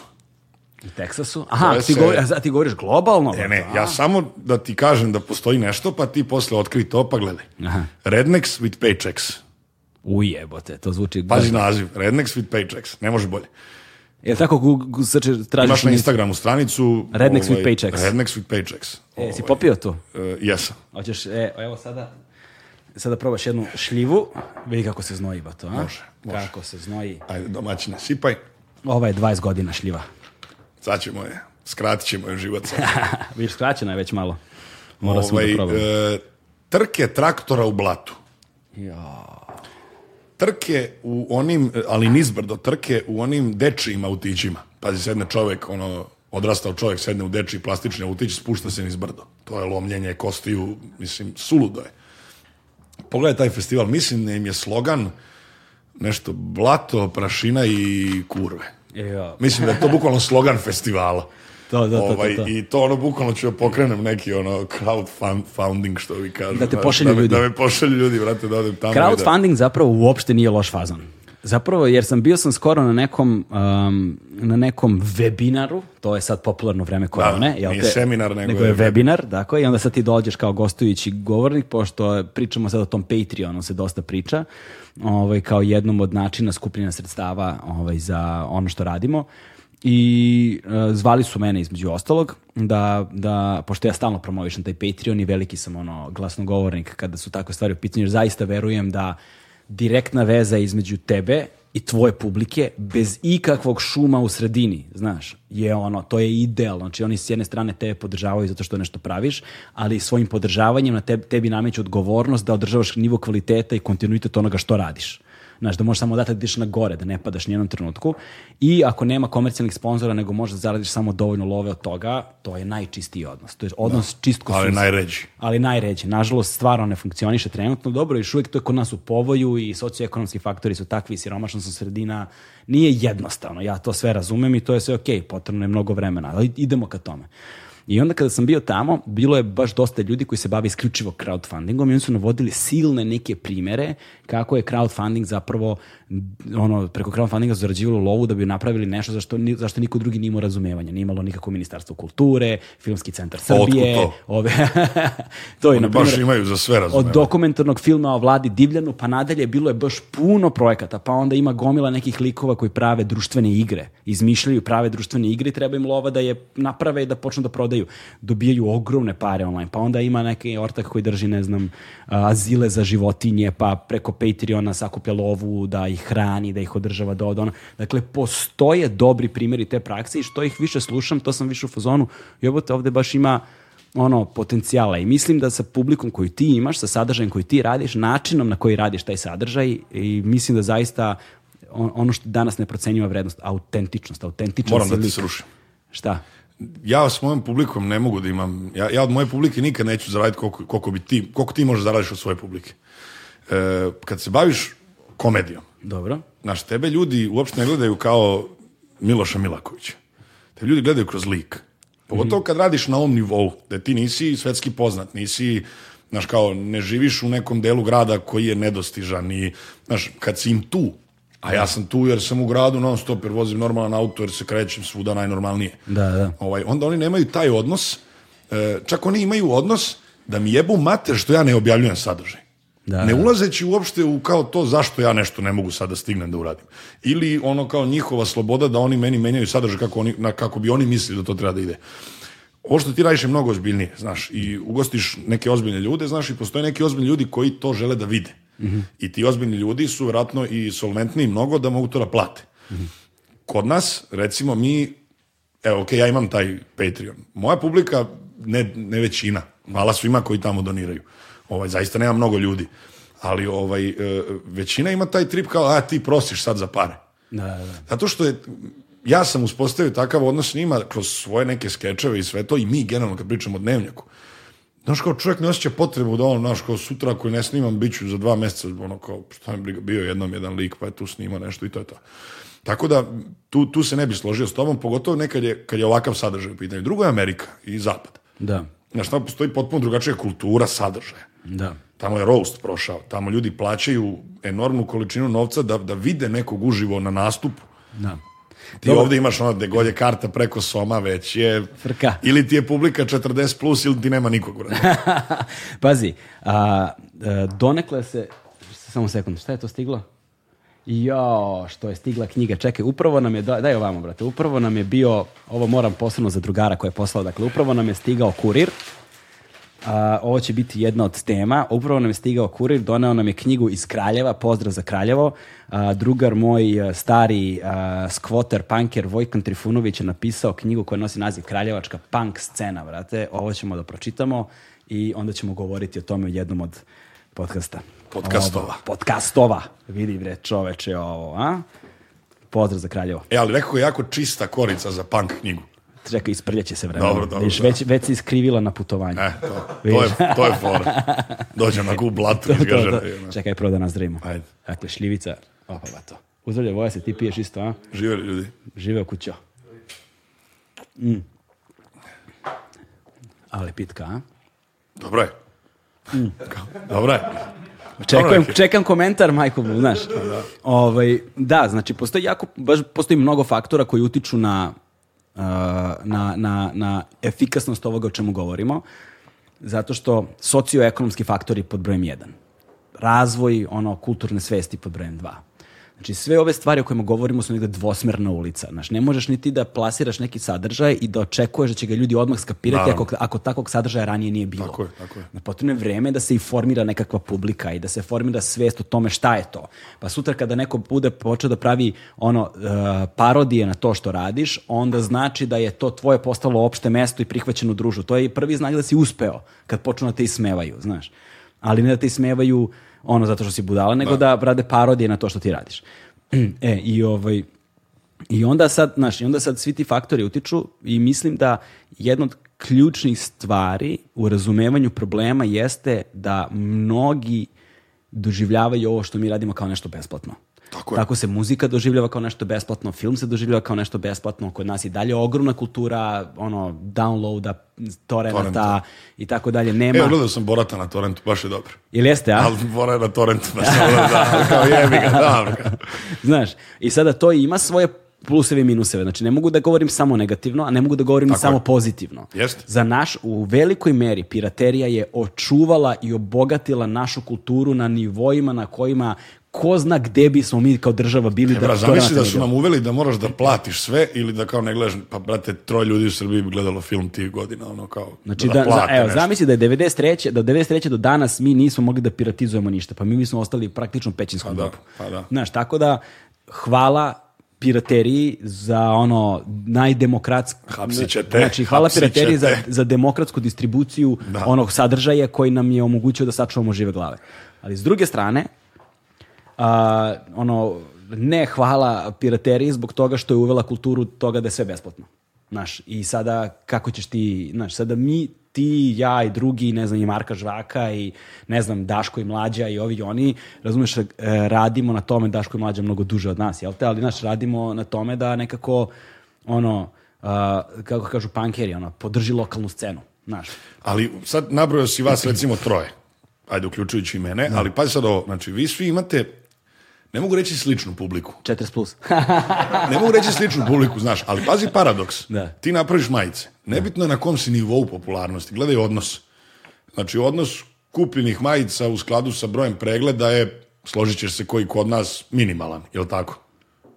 Sad ne znam na što misliš. Mislim, znači, ako ti da. video gleda 30.000 ljudi, lupa. Mm Broj majica kupljenih je recimo 10, lupa. Aha, dobro, da, Lup. znam šta misliš, da. Ne, Mislim, ne uzimam kao nisam tebe. proizveo dovoljno, ali, ali da, jasno, jasno je, da. A imaš, na primjer, nekog youtubera koji proda ono kao 300.000 majica. Da. Ali to je stvar koga gleda. Da. Znači, ako vas gleda ekipa koja je već našla poslove, mm -hmm. koja zarađuje dovoljno i koja pogotovo ima neku svest o tome da to što ti radiš ne treba da bude besplatno, mm -hmm. znaš, njemu nije problem da izvadi 3 dolara. Da. Zašto je 3 dolara 200 dinara? Da, da. Te ne. A kad imaš publiku koja su klinci, onda imaš Kevu i Ćaleta koji oni vuku za rukav, da. e, kupi majicu, kupi majicu i on mora da bi to dete učutalo, on mora da kupi tu majicu. I onda ti je to opet publika 40+, plus, ne mislim sad jasne, godine, nisu da, tu da, da. godine bitne. Jasne, jasne. Znaš, a mi kao dnevnjak smo ukačili studentariju i one malo starije. Mm Znaš, tu da li se još ko snašao, on razmišlja o sutra šta će jesti, hoće popiti nešto, bitnije mu je da, znaš, ode u da. grad, da ima za bilo šta drugo, nego da da meni sad nekom ko će da mu snima skeč o studentu pred ispit, dva dolara. Da, da, da. da. Neće. Da. A, ovaj- ja to razumijem, znaš, ja to ne osuđujem. Ali čekaj, je... kakva ti je demografija na YouTube-u? Moja demografija je, znači, od 18 do 35, 40, Sad kako sam krenuo svoj YouTube kanal, mm -hmm. ovaj, Dnevnjak je tu gađao najviše studentarija i kraj srednje škole. Mm -hmm. To je ono bio kor. E onda kako je vreme odmicalo, kako je to postalo sve popularnije, onda su i ti klinci navukli svoje ono, roditelje. Da. Kad kažem klinci, tu mislim i na svoju generaciju, naravno. Ovaj, tako da, da bitno je, znaš, da ti je publika platežno sposobna. Da. I to ne samo da je platežno, nego da je okay platežno. Jer ti shvataš da je nekom, da tebi donira 10 dolara luksuz. Mislim, da, ne, da, da. ne, da ti donira da ga kupi tunjevinu s povrćem luksuz. Da, da, da, jeste, to je definitivno. Pa znaš, zato se, zato se u velikoj meri uh, oslanjamo naš, i na, na, na ljude koji nas prati iz dijaspore. Tako je. Znaš, zato pa što pa, ljudi, da, nema, da, ljudi, da, ljudima, ljudima u razvijenim zapadnim zemljama ta cifra bukvalno ne znači ništa. Ono, bukvalno ne znači ništa. Svaki dan kad izađe iz kuće u startu potroši pa, da. pet puta toliko. Ovaj, a Cigare druge, u Švajcarskoj 7 €. A, što, a s druge strane, a s druge strane ovaj, dobiju sadržaj na njihovom jeziku koji njima verovatno nosi nekakvu vrednost. Naša im ja se, s druge strane, ja se baš trudim Znaš, s jedne strane se trudim da se ne ukalupim, da baš gađam što, šare, što šire mogu, zato što ja želim da nešto naučim, nešto čujem, da nekada testiram sebe, svoje sposobnosti ili kad se uplašim nečega, onda baš gađam u to što sam se uplašio da bih razbio taj strah, znaš. A s druge strane, ovaj, a s druge strane e, gledam da, da, da, da ta širina koju pokušavamo da prezentujemo nekako otvori prozor ljudima da u ovoj zemlji nije baš sve to što gledaju stalno svuda. Znaš, jebote ima nas, znaš, ono... Pa ne, ja ne mislim da je, znaš, kao sve ovde što... Mislim, okej, okay, servirati se treš na ono kao naj, naj mainstream, ali realno televizor više nije ono luksuz i televizor gledaju stariji ljudi i prate klinci većinom svi imaju telefone i ne može niko da mi kaže da im taj sadržaj nije dostupan. Da, da, da. Ja mogu da kažem da je moje babi nije dostupan na YouTube, da, da, što je istina. Ali bilo kom detetu, naš kao nije da nije. I prosto, naš, možeš da biraš. To je, to je potpuno, naš, kao treba tu tezu srušiti, da kao taj sadržaj, pa da, ok, na televiziji. Da. Tebi ni, brate, ne iskače zadruga na YouTube-u ako je ne gledaš. Znaš, YouTube to... Mi, ako, pa odeš dobro. na te, ako odeš na trending... A, tre, ali trending ti je TV, kako bi da, da, rekao. Da, da, da, znaš, kao da. trending je ono što je YouTube urednik da, da. treša sakupio i ubacio. Jesi ušao u trending nekada sa svojim videom? Ja nešto kod mene na kanalu ne radi, nešto sam ih naljutio. Da. Ovaj, ušao sam u gaming, na trending, što je potpuno na je malo taj YouTube. Ovaj, dnevnjak je bio svaki nedelje u trendingu. I to je bio da, malo, dnevnjak, da, znam, dnevnjak da. je kidao. Ovo ne, i s obzirom na, na broj komentara i ovoga, oni to nešto gledaju koliko ljudi je, mislim, opet je bitno da se svađaju ljudi. Da. Jer on kad je, kad je, znaš kao, ne možeš ti da pobegneš, YouTube to voli, i to, da. to ceo svet voli. To je, nažalost, ajde, pogrešan settings je u startu. Da, da, da. Ali, ovaj, to je tako, znaš, on sad ceni kad ti se svađaš pa piše ispod ono, ne znam, 10.000 pregleda, imaš ispod 400 komentara. Da. Ovi jebu majku, ima, ovi se polivaju, ovi... YouTube to voli i to gura.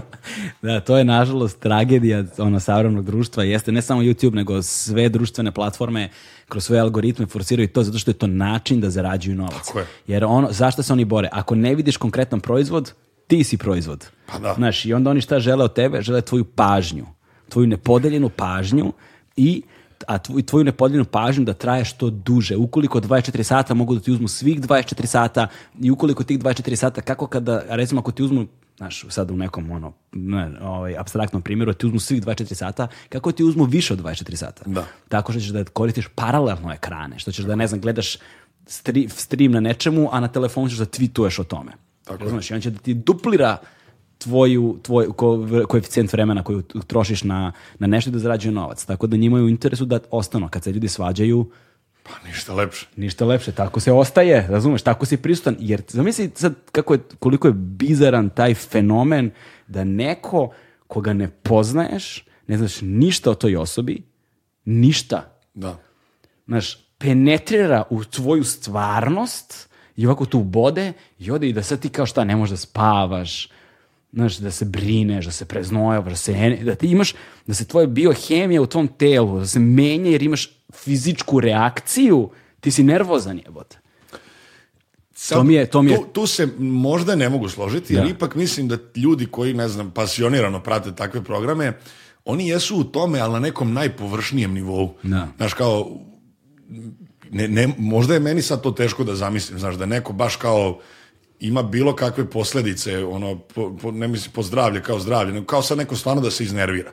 Ja mislim, ja mislim da je to moguće. Ja mislim da je to više ono kao nervoza na nivou Bruce Willis nije ubio taoca, pa sad ovaj nešto juri za njim. Ne, ne, ne ja sam, ja sam, iskreno, ja sam viđao, ja sam zaista viđao ljude i sad kad to kažem viđao, uh, govorim ono razgovarao sam bre sa ljudima, na, žalili su mi se ljudi. I to kad kažem, ne mislim na klince samo. Znaš, stalno se pominju deca u formativnim godinama. Da, deca u formativnim godinama de facto su najugroženija grupa kada je u pitanju to internet nasilje jer ono, poljulja im se samopouzdanje, mogu zaista da trpe ono u offline-u, znaš, ukoliko se izblamiraju nešto online preko vikenda, ponedeljak je u školi veliki problem, znaš. I Jeste. ja sam u to sam siguran, ali van njih, predoživljavao sam da me 40 plus ljudi zovu i da me pitaju, jo, šta su ono rekli o me, Naprimjer, ja često imam ljude koji gostuju, koji nisu nikada ranije gostovali.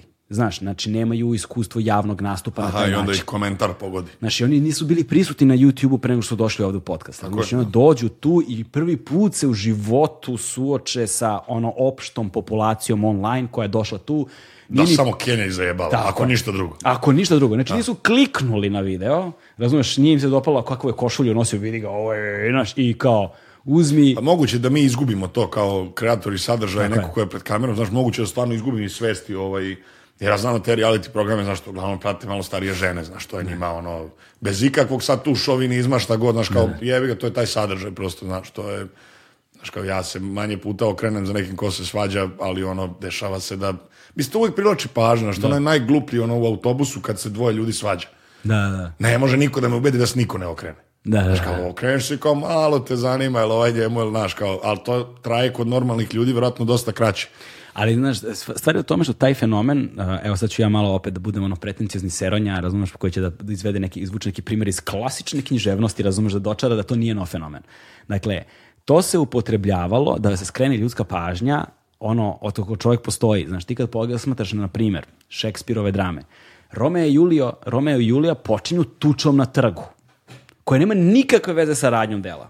Znači ti imaš to, a zašto, to, zašto su to radili? Zato što Drži. u Glob teatru to vreme, gde nije bilo nikakvih specijalnih efekata ničega, gde je bio takozvani plebs u publici koji su ono, ko zna šta tu radili. Samo noklima. I izađu ljudi, razumeš, na, na, na, na scenu, jel te? I na sceni se potuku, Šork, što je da. po scenariju. I onda ljudi vide ove koji se tuku, ha? Kao svi ove, e sad kad imam vašu pažnju, ulazi lik sa uvodnim govorom, razumeš, i počinje radnja koja nema nikakve veze s tom tučom, ona je tu bila samo da ti privuče pažnju. Tako da eh, ono, to je kao kad ljudi voze pa vide saobraćajnu nesreću. Tako je, stan, znači, da. To je pa nešto... Pa slupaju jer gledaju toliko dugo u saobraćajnu nesreću. to je meni najgore kad voziš i onda vidiš saobraćajnu nesreću preko puta negde udale i onda shvataš zašto miliš jer svi usporavaju je, da vide, i da. prave konsekventno kolonu i ti kao od 15 minuta prolaziš bez gužve yes, zato što yes. usporavaju da vide i nerviraš se na ovaj budal, onda ti dođeš sad i onda ti usporiš da vidiš. Ne, saobraćaj je, saobraćaj je tema za, za, za, za, jedan za paralelan svet čak. Da. Znaš, kao da, da, da, da, postoji još jedan svet u kojem je samo saobraćaj. Da. Taj svet bi bio dovoljan za neke ljude. Slušaj, brate, gledao sam ti ovaj klip skoro, to je jedan od novih, uh, komentarisao si, šta si, dva klipa sam se baš lepo ismeo. Ima kupujem, prodajem negativne ocene, Negat... ima uprava carina. Uprava da, carina, a... na da. Instagram profilu uprave carina. Majko. To je najjače, da. Kako, brate, pronalaziš te teme? Ona? Pa vidi, ja pratim to. ovaj, da. Jer recimo ja i moj čale, mi ono, prodavali smo dosta stvari preko kupujem, prodajem, što naših stari stvari koje ne trebaju, što neke stvari koje on, pošto voli da prčka tako nešto, da popravlja po kući i to, i onda on ispazari nešto na pijaci, opravi to da to liči na nešto i proda. Tehnike ili bilo, to mu je hobi onako, pored redovnog posla. Da. Ovaj, a ja realno sve čega sam teo da se otarasim, što meni ne treba, a da je ono jule kvalitetno, uspeo sam da prodam tamo. E, mislim, sad ne pričam o tom sajtu kao sajtu, generalno platformi za prodavanje. Da, da. Ovaj, i, i prosto, znaš, kao, postoje negativne ocene na tom sajtu i naravno da sam ja nekad kao korisnik ušao da vidim kad prodajem nešto nekome ili kad neko, kad, kad, kad bitnije u stvari kad kupujem od nekoga nešto, znaš kao kako je ocenjen. Mm -hmm. ovaj, I onda sam nailazio na tolike budalaštine da je to ono nenormalno. Imaš, imaš onaj, onaj screenshot, to nisam ni ubacio u video. Jer ne volim da ono što su svi videli već ja ubacim u video. Aha. To mi je isto neka ono. Pa onda uvijek bude u komentarima, a što nisi, kako si ovo mogao da promašiš? Ne, nisam promašio, samo nisam teo da ubacim nešto što su svi već videli. Znaš, kao, ne, nebitno je. Imaš ono kada je onaj napisao kao, dečko je izuzetno pošten, ali neviđeno ružan. Sim. I nije Photoshop. Brate, ono, to, je, to je another level shit ad hominem, razumeš? Znači, uzmi tevra, gađaš i... S kojim, s kojim motivom? Kao, pa, čak najbolje, kao pozitivna ocena. kao neviđeno je poštena, ali je... kao neviđeno vozan i neviđeno ružan. jo, Zato su meni, znaš, svi ti izvori takvih informacija, tako tuško, beskreno zabavno. Da, da, strašno čoveč. Ne, ne mogu da se sabere. Ima jedan super serijal na YouTube-u koji radi neki klinac iz Vajsa. Da, ovaj, to je jedan od ono, poslednjih trzajeva Vajsa da ostane cool ovaj, pre nego što je potpuno si to izgubio. Ovaj, i, i, i, i taj serijal je stvarno super i taj lik je stvarno onako bizaran tip. A, šta on radi? Ide na TripAdvisor, i pronalazi sve usluge koje postoje, koje su najlošije ocenjene. Znači, one star review. To ti je paralela između, da. Da, to, to, se zove one star review i onda odlazi u te lokale i uzima, znaš, kao, otišao je, znaš, tipa, uh, najlošije ocenjeni tu studiju u Njujorku, kao jedna zvezdica, znaš. I onda je otišao tamo da se tetovira, znaš, pa onda je otišao kod frizera koji je najloše ocenjen, pa najloše ocjena hrana. Mislim da je taj koncept, pošto nema niko tapiju na taj koncept, taj koncept je jako dobar, neko Jeste. bi trebalo to da radi ovde. Jeste, meni su sad rekli da poslam jedan momak, ne, pošto mi dosta ljudi naš kao šalje mi nešto što misle da, da mhm. treba da obradim. Sad neke stvari, znaš, ja ni ne smem. Ovaj, zato što prosto, znaš, kao ne znaš koga možda ubodeš, ne u smislu politički ili bilo šta, nego, znaš, prosto nije cool, znaš, možda, možda naš, malo bi trebao da vodiš računa o tome kad, kad se baviš takvim poslom, znaš. Onda ja da. kao gledam da malo to baš ne bude, da to više bude nekako, kako kažem, opšte mesto. Ajde, da, da, da. tako bi možda mogo da nazovem najbliže. Ovaj, poslali su mi neki fast food u Nišu, ovaj, mislim, ono nije pljuvačenje, ono, ono, ono, nije, ono nije bu majku gazdi. Da, da, da. Znači, to ono kao bukvalno potrovo si nas, ne znam. Ni, ni, možda nije niš sad. Da, kad da, ja ovo izgovorim, da ljudi da traže koji je to pas. Da, to da, isto nevjerojatno. Tako da ne znam da li je niš. Ovaj, to me čudi s obzirom da je dole hrana top. Ovaj, negde, sam, negde sam to video i to ću morati sam da pronađem. Što ne bi radio, znaš, jer znaš, kao ja onda imam mogućnost da usrem ljudima potencijalno posao Ma život, razumeš? Pa generalno, život, život, da, generalno, da. Znaš, I onda mi je to nekako glupo, znaš, kao upravo da. carine ono što se stvarno desilo i što je već neko će nebati zbog toga, razumeš, a plus nekako... nema, nema podataka ličnih. Da, a i pritom, naš, oni su sami to okačili online. Tako je, tako je, da. Kupujem, prodajem nešto što isto javno, mm. mislim, kao ocene, možda vidiš, da god sam, sam ih ja pronašao i čak sam sakrio svuda imena i to i mislim da sam čak i sakrio i, i, i predmet prodaje. Aha, da, da, da. da ne bude ovaj... S tim da se predmet prodaje vrlo često otkrije u... Pa otkrije se, da, ali on kao zvučnici. Dobro, a sad koji? Znaš, da, da, da, da, da, da, da, da, e to, to, to. Da. Ove, ovaj, e sad, a, s druge strane, da, Niš je dole vrlo specifičan zato što sve, sve ta mesta koje imaju a, izuzetno visoke standarde za hranu, primjer za meso, ove, ovaj, što, to znači da minimum standarda da bi uopšte ostao u poslu, znači da ti moraš da budeš izuzetan. Znači, tako, tako da loša pljeskavica kako ćeš da živiš s lošim pljeskavicama u Nišu? Mislim, znaš, mogu da razumem da možda prodaš loše pljeskavice u Subotici, recimo. Da. Znaš, da ne postoji možda kultura kupovanja pljeskavica na ulici. Sad, lupeto, možda ima vrhunskih pljeskavica u Subotici. Mislim da se langoš tamo tuče više. Znaš, ne znam, brate, bio sam u Subotici posljednjih ne znam koliko godina jednom, išao sam kod Ajsni Grutina na Gajbu, pošto sam da, tamo živi. Tamo. Samo tamo živi, vozi biciklu papučama, razumeš, i viče ljudima u i videk kad ih vidi na ulici, a, da. da. što mu to zvuči kao vidimo se, a u stvari znači Novi Sad. Znaš to? Pa da. Ovaj... On je kontra Memedović. Ne, on je car, brate, nema, nema, nema, dalje, pa brate, da. ono, znam ga 20 i više godina, legenda. Ovaj, Uh, I, znaš, kao standard za pljeskavicu u Nišu i standard za pljeskavicu u drugim mestima u Srbiji ne može da bude Tako isti. Ne, mo, ne, može, prosto, ne može da bude isti. Ovaj, e sad, od događaja, to smo pobegli s teme, uh, koji sam ja obišao, koji su meni bili ludilo više puta. Jedna sam obišao više. U Leskovcu sam išao na Roštiljadu. Uh mhm. -huh. To je ona. Išao, išao sam na pravljenje najveće pljeskavice. To sam bio više godina za redom. Pošto imam prijatelja Johnija iz Leskovca, pozdrav za Johnija, koji živi u Stuttgartu. I onda on dođe preko leta u, u dođe preko leta u Srbiju i onaš bude tu po BG-u i onda obavezno mora obiđe rodbinu dole u Leskovac. I uvijek je fazon, aj kao, aj sa mnom dole, molim te malo da izblejimo, onda odemo na jedno dve, tri nedelje, budemo ono leto provedemo u Leskovcu, što je dosta jako. Sigurno. Znači, dosta jako. Još si tu s njime koji je lokalac, ono, sve Gastos, zna. sve zna, familija tu, Gastos, znaš, cela priča znači, se... Znači, je pare, Cela priča se rascvetava naš divno i to se da. uvek sjajno provedemo. Ovaj, zabodemo i tu roštiljadu. I, ovaj, I bio sam na...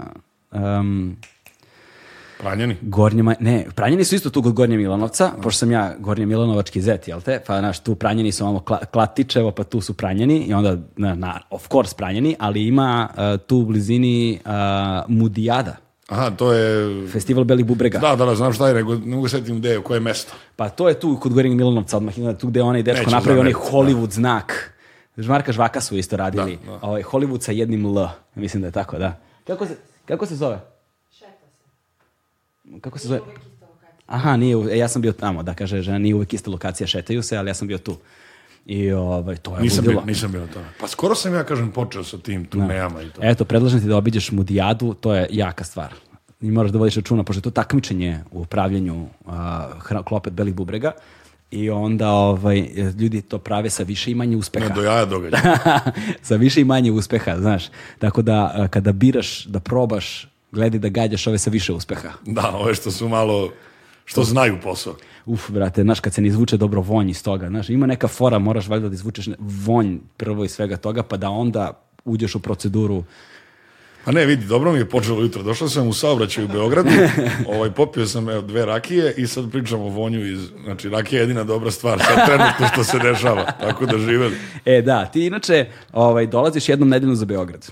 Tako je, da. da. Radim ovde u, u marketing agenciji, smišljam slogane. Kao copywriter, a? Da. I kako te služi taj posao? Pa vidi, ok, meni to, ja sam nešto ceo život voleo te tako reklamice, te džinglove, to smišljanje kroz stih tako nekih ono smešnih stvari mm. i zanimljivih. Ovaj, skoro slučajno se to desilo, ja sam tad tražio posao, ovaj, pa je to naletelo i već sam tu nešto u firmi, to sam već dve i, pa skoro tri godine. Mm Ovaj, generalno srpski advertising ima baš dosta prostora da se popravi, znaš, kao jako je da. daleko da. od zapadnog, jako, znaš, i dalje tu, znaš, kao i kad je klijent u pitanju, uglavnom jedan čovjek odlučuje, eventualno board, ali taj board je usaglašen s nekim bordom iz lupa inostranstva, pa onda to tamo što ne može, ne može ni ovde, a ne može tamo iz jednog razloga, kod nas zašto nemaju hrabrosti ljudi da predlože i vidi, 610 u smislu srpskog advertisinga da. generalno. Kada bi ostavio e, negativnu ocenu na kupujem prodajem. pa da, pa može bolje. ovaj, I ono što je, e, mislim, što je donela sva ova demokratizacija ili šta god, znaš, i ljudska prava i da. što ovaj kaže, ljudska prava su za ljude. Da. Ovaj, ti izgubila se ta neka hrabrost u mm. marketingu, znaš. Ovaj, ti ima si onu legendarnu reklamu za lav pivo gde svi psuju, ono, ono, mislim, znaš kao koliko to danas ne može da prođe. Da. Znaš šta sam uradio skoro? Na Netflixu sam a, počeo da gledam a, one glupe komedije s početka 2000-ih. Znaš, ono, od, ne znam, filmova sa Adamom Sandlerom do ne znam, znaš, to, to, znaš. Šampion, šampion. komedije, hehe. da je to. Šampion. Ali svaka čast. E, i ovaj, i puštam, pu, pustim to, znaš, ovaj, te, te s vremena vreme, to malo dubijem vreme, i onda gledam taj humor. Taj humor, recimo, u filmovima do 2007. Brate, da taj humor bi danas, prvo da ga neko predloži, već bio razapet. Da. Ono, znači je razapet na krst srama. Mislim što je bilo tvrđe kao u tom ne smislu. Ne tvrđe, nego to. Znači, kakve su fore na temu žena, kakve su da. fore na temu muškaraca, kakve su fore na temu LGBT da. osoba, kakve su fore na temu ono života generalno, kako se ponašaju, kako se ba, znaš, bahate. Mislim, taj slapstick humor i da. to sve što je ono znači, predimenzionirano fizički da sad nešto, znači, ti sad vidiš to kao, naš, uhvati, zgrabi, udari, pljuni, pipni, reci ovo, reci ono, neprimerene situacije. Danas u svetu, ono, zaoštrene političke korektnosti, ovo bi sve bilo ono cenzurisano do besmisla. Znači da. danas nije više moguće napraviti takvu komediju. Nema šanse. Nema fizičke, nema šanse, nema šanse bukvalno nema šanse. Ali tako je malo vremena proteklo. I ono što je meni uvek neverovatno jeste kad razmišljamo o toj, fizičko, toj ovaj, političkoj korektnosti, o tom besmislu zapravo te političke korektnosti, jeste što ljudi ne razumeju da time što si ti zabranio konkretan izraz. On si pojačao ono, želju za tim. Tako je, s jedne strane. Znači, ne, e, na Bokov je to divno govorio. Kaže, izgleda da u prirodi svakog čoveka da zabravom doživljava kao poziv. Pa da. To je prva stvar. Druga stvar je što mi smo ljudi. Reč kao reč nema značenja dok je ti ne dodaš značenje. Što znači da taj odnos između znaka i označitelja se menja. Znači, ti si zabranio tu reč, tu reč više ne koristio, mi ćemo naći novi način Tako da te je. uvredimo na isti Tako, način. Još gore. Još gore. Još gore a da naći. budemo politički korektni. Još mi bi drago što sam uspeo da smislim da to. te uvredim, a da nisam nikog kao... Bukvalno pozivaš ljude da se dovijaju kako da Tako te uvrede. Je. Tako znaš. Je. I to što si ti zabranio, kakav si tačno, kakav je ta, tačno efekat postignut s tom političkom korektnošću? Nikakav. Pa samo trenutni taj kao, eto, ovo smo mi sad doneli, to sad više ne sme. Nikakav, samo da neke institucije operu ruke. Je, ali pa se da. u stvarnosti ništa nije zapravo promijenilo. Gle stand-up američki. Pa da. A stand-up je ostalo poslednja utočište razumiješ. Ali to što se korek. tamo izgovori. Da. Ovde bi neko snimio telefonom da, i da, da. poslao kuriru i telegrafu i blicu da. i sutradan je taj čovek ono, e, to je prvi zato što, neprijatelj ove zemlje. Zato što kod nas ne postoji razvijena kultura stand-upa. Znaš, zato što ljudi ne razumeju da stand-up ne funkcioniše kao ono tvoj ortak koji na slavi priča viceve, znaš, kao nije, znaš. Znaš, ti kad pričaš o stand-upu u Srbiji, 90% ljudi s kojima razgovaram izgovore dve stvari. Prva je kao, ma ne mogu, slušam ove, oni su sranje, Zato što porediš sa Louis C.K.om, brate, znaš, ti mora da shvatiš da je to krem de la krem globalno, da u zemlju 320 miliona stanovnika u kojoj imaš ono skoro 100 godina stand-up komedije, to je vrh, leden, to je vrh To je Mont Everest. Jest, da. Znaš, znači, ne možemo mi koji smo počeli to da radimo pre 10 godina da se preko noći tu budemo sa ovako malim scenom. To je prva stvar, znači potreban je razvojni put. Druga, i da zapravo s obzirom na sve okolnosti uopšte nije loše, šta više dobro je, a s druge strane, Drugi, e, dru, druga stvar koju ljudi ne razumiju svemu tome, zaboravio sam što da kažem. pa onda uvek tražiš malo još da, koju da, reč, da, pa onda pokušavaš da, da, da kao, ali neće, neće se nikad vratiti. Neće. Bolje ti je samo da kažeš, ajde, ono, e, teramo dalje. Da. Teramo dalje, zaboravio sam što ste kažem. Da. li problem u stand-upu je, ja sam doš, dosta stand-upova ovaj, slušao, nastupao mhm. ovde, znaš, imaš ti tu kvalitetnih ljudi, stvarno nije da nema, ali Problem je, znaš, u, u, u 80% tekstova izvođenja sam čuo malu kitu, život s roditeljima i nebicu i, znaš, kao kad, da. kad koncipiraš tako, ne može. E da, setio sam se što sam stavio da kažem. Stvari koje se izgovaraju u Americi, koje su protiv politič, političke korektnosti, znaš, a, postoje, postoje određena nepisana pravila koje pretpostavljaju uslove u kojima se stand-up dešava. Kod nas se ona ne podrazumevaju. I onda ljudi to ne mogu da razumeju. Ti vrlo često ovdje imaš situaciju da se ljudi stvarno uvrede Da, da, da, se da, uvrede da, da, stvarno, znaš, ili da, znaš, ne postoji, kod nas je ta polarizacija odnosa toliko zaoštrena da ukoliko se ti i ja ne, sa, nis, ne, sa, ne slažemo, mi smo automatski neprijatelji. Znači kao, nije moguće da ti i ja ne možemo se slažemo oko nečega i da budemo prijatelji, da se poštujemo, da komuniciramo to je u Srbiji, ali ti to ne vidiš nigde u javnom prostoru. Ti to ne vidiš kroz medije, svi mediji su polarizovani, ti to ne vidiš kroz politiku, sva politika je polarizovana, sve je za i protiv. Ne postoji ta kultura dijaloga ona postoji u, naš, recimo kada govorimo stand-up komediji konkretno u Sjedinjom američkom državama postoji. ti formu roast, da, da, da. koja ne da ne može da uspe u Srbiji. Ja sam gledao Ivanović jednom radio sa Sergejom Trifunovićem, radio roast. I to možeš s njim, zašto Sergeja boli dupe, što ti njega da uvrediš i on se na to nasmeje i to je okej. Okay. Ali to čak nije ni uvreda. Da. U tom smislu. Što ti kao, sprem nekih njegovih osobina koje mogu biti loše, znaš kao kreiraš neku foru sa punchline da, da. Što je smešno, realno. Da. Znaš, ti imaš u Americi gde ti dođe, ajde, legendarni Charlie Sheen roast, ti imaš i Bruce Willisa. Da, imaš i Donald Trump roast. Donald Trumpa, imaš ovog Justin Biebera, imaš gomilu, Pamela Dobra, ali, ali oni kad njih roastuju, to je Pa vidi, to je brutalno na šest Te, nivoa. Teško znaš. ti da gledaš. Tako je, tako je. Ali sad zamisli ti sad ovdje sedi bilo koji narodni pevač, jer, jer šta je tamo neka, ne, ne znam sad, ni ime Miley Cyrus, nego ono narodni pevač, tako mislim, niko ono, malo popal, dobro. Ovaj, I da kao sasluša sve te uvrede ili Aca Lukas, na primjer, i da kao bude top steam. tim. Da. Nema šanse. Da ti ne dođe sutra neko na vrata, kao, znaš. Pa, da, da. Zamisli kao da imaš da ti sedi bilo ko od tih, ono, top 5, ne znam, i da ti takve, znaš, kao ko je on istuko ženu, lupam, ti pričaš foru kako on istuko ženu. Ali upakuješ u punchline, što su radili, recimo, Charlie Sheen. Da, da, da. Ne, ne znam, ne znam. Mislim, to je sve evolucija, uh, znaš, ne možemo mi preko noći da do, stignemo tu, pa ne ali, je, ali je stvar samo u tome, ok, krenuli smo neko putovanje, ajde samo da ga ne prekidamo. To je ono što meni smeta, recimo, kada se govori o popularnoj muzici trenutno. Znaš, ok, muzik, muzika je nešto čega za, za, za, zašto se često hvatam, zato što prosto sam u njoj dugo, znaš. I, ovaj, i to je st priča stara koliko i čovek, ono, znaš, svaka, svaka prethodna generacija koja se borila za svoja prava, ovaj, u poznijim godinama se uh, postane konzervativna jer pokušavaju da očuvaju prava za koje su se borili, razumeš, i time se pretvaraju u one protiv kojih su se borili, zato što sledeće generacije ne dozvoljavaju. I onda je uvek je to bilo, kad se pojavio rock and roll, to je bila demonska muzika, razumeš, a onda ti isti rockeri kada se pojavio punk, su bili u fazonu ovo nije muzika, razumeš. A onda su ti isti punkeri kada se pojavio hip hop bili u fazonu ovo nije muzika. Ja sam sebe uhvatio. Jel jesi? Da kažem da je TikTok ono za glupe. Što ne mislim, da. ali sam sebe uhvatio kao da sam na kezma, to je budalaština za glupe ljude, znaš. Ne mislim za glupe intelektualne, kao ono zaludne, brate, znaš, kao šta sa ti... To.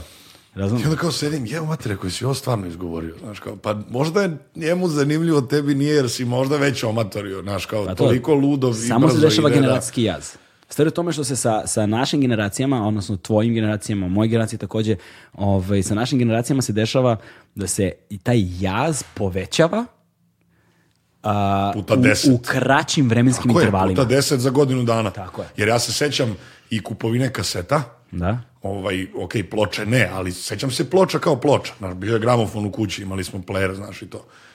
I onda sećam se kasete kao moraš da kupiš, ne znam, VIP kasetu. Da, da, da, ovaj, ekipa stigla kad je izašlo. Recimo, to je neka moja ono generacija. Ovaj, i onda se, a, a znam sad šta je Deezer, znam šta je, šta je Spotify i znam to. Znaš, kao, moj burazer već, on ploče, ja mislim da se ne seća, kasetu nikad nije kupio. Koje ti godište burazer? 2000. O, da, da, nema šanse. Ovaj, kasetu nikad nije kupio i ako je video, nije imao gde da je ubaci, da, da. Ovaj, jer ono, ja sećam i Walkmana, znaš, kao da. imao sam Walkman pa sam imao MP3 od 128 megabajta, ne gigabajta, megabajta ne iPhone, sećam se, sećam. gigabajta. Kako ne? Prvo je bilo 64, pa možeš 7 pesama u MP3 fajlu, pa ih sabijaš u one... 128, pa 256, o, 256. Je. 512 kad je izašlo, to je sine bilo od kad dođe neko iz inostranstva, pa donese. To dođe pa ovako ulazi. Pa da. Pa da, pa ovako imam, idem, ovako imam, idem sa slušalicom. To, imam, pet, imam? 50, 50 pesama imam. Da. Znaš, kao ja se sećam toga, ispratio sam to, oni već Izvini, ne znaju pa to. onda mrziš ljude koji imaju flag file, ne možeš da ga pustiš. Tako je, FLAC, da, da, da. Ne možeš zato što i prvo, mislim, prebacivanje. Ne znam da li sam s Burazinom pričao, piši, briši CD-u. Da. CD-RV jebote, znaš, kao, znaš, Ne, nema, Nero Burninger, ono... To, to, to, Nero, jao, bože, ja kad se setim... A i Mule za skidanje. da. To, imao i Mule, ona, ona magare, ono što da. skida program. To, imao sam to, bilo je taj, bio je... Mada smo mi više koristili Soul Seek, zato što se elektronska muzika i muzika generalno tu skidala. To A pa je to bilo. vi sektaši. Sektaši, da. To, ruski fajlovi, ruski sajtovi, ono folder i to, pa da, imaš da. ono, pa sam naučio ruski da bih mogao da a, navi, na, navigaciju vršim kroz sajt, da izbegnem šta su reklame, gdje to, treba to. skačat file. Znaš da, šta? skačatli, skačatli je bio. Da, da, to, znaš. Ove, ovaj, ljudi su se iznenadili, kad sam, ne znam sa kime sam pričao, pa smo pomenuli CD ploče. I onda su ljudi, ljudi bili fuzonu kao, šta CD ploče? Da, ljudi, CD ploče su prava stvar, postojale su vrlo da. kratak vremenski period, ali su postojali diskovi koji su bili veličine ploče. Tako je. Znaš kao, Ja se nisam, nisam imao prilike da vidim, ali znam za to, ali se sećam recimo malih CD-ova. Da, da, da, koji da, da, staju da, da, da. samo u onu rupu u cd Da, da, da, mini, di, da, da, da, mini diski. To je isto nešto kratko nešto. I oni Blu-ray, to je neka, to je onako Blu-ray baš onako neka investicija propala. Da, da, to je da, bilo najavljivano kao revolucija u momentu kad je CD postojao i kao ništa. Da, Blu-ray, ne, Blu-ray, Blu-ray, Flash. Blu-ray DVD zapravo za filmove, za Tako video. Je, ali kao... slabo je to živelo. Pa da. Slabo. I onda je odjednom samo došao Flash stick I udri, to je krenulo ono, od jednom 128 megabajta i sutran već 2 terabajta ono flash. Da, da, da. Jako brzo je došlo do... Ne, meni je jedini problem, postoji puno fenomena recimo kojima bih volao da radim dokumentarni film, do, dokumentarne serijale ovaj, i to imam zapisano sebi koji su sve to dokumentarci koje bih volao da radim. Mislim da su, da su brojni dokument, dokumentarci nešto što mislim da bi ljudima zaista bilo dobro. Imam pristup, imam sve. Dva problema koje imam. Prvi, nemam lovu nemam, nemam lovu da ih snimim, prosto to sve košta i ja to... ne, nešto. Da, aj, da, završimo nešto, neki Patreon, naš, da. neki crowdfunding. A druga stvar je, ovaj, a druga stvar je arhiva. Za period od 2000. te do 2010. godine imaš ogroman problem jer da, ne postoji arhiva, jer šta se desilo tada? Umrli su analogni fotoaparati, pojavili se digitalni, ali su digitalni bili sranje. Znaš ono, imam 2 megapiksela kameru. Brate, 2 megapiksela ono, fotografija sa Nokia, znaš kako i ona izgleda sad kada da, da, staviš da, da. na komp. Ovo licka je, ono, centimetar sa centimetar. Avatar. Da, da no, no, no. I kad je malo povećaš, odmah u piksele ide, razumeš? I sada ti kada tražiš arhivu, recimo, hoćeš arhivu iz 2005. godine, niko više nije koristio analogne fotoaparate, a sva digitalna fotoarhiva, to je, ako je uopšte sačuvana, znaš, je ono neupotrebljivo loše. I ti zapravo imaš jednu veliku rupu gde ništa tu nije sačuvano, čoveče. Koliko vidim, namučit ćeš se. Već se mučim, znaš, već se mučim. Si popio tu šljivu, brat? Nisam još, imam još malo. A, okej, okay, da, da, ga, da ga ne teramo u crveno, znaš, jer još, još je rano. Da, još je. da čoveče, da. To je, to je za, za ljude koji ne znaju, ja uvek ovo snimam prepodne, podne Uh, kad ono odvezemo dete u vrtić, pa znaš, jer zamisli brate da je još i dete tu, a znaš, pretvorio sam gajbu u podcast. Pa da, gledati tatu koji priča o ovaj, mudijadi i pije rakiju podne sa jednim vrlo polako krupnim čovjekom, ovaj, to je da. Ostavlja, ostavlja posljedice. Šta se desilo sa dnevnjakom, brate? Trenutno je dnevnjak na nekom uh, forever holdu, ako mm -hmm. mogu tako da kažem. Ovaj. Kad se to ovaj. desilo zapravo? Pa to se desilo u momentu kad smo mi ispali iz, iz RTV-a, kad smo trebali da pređemo na tada tek otvorenu IDG, IDJ TV, mm -hmm. ovaj, pa ništa toga nije bilo.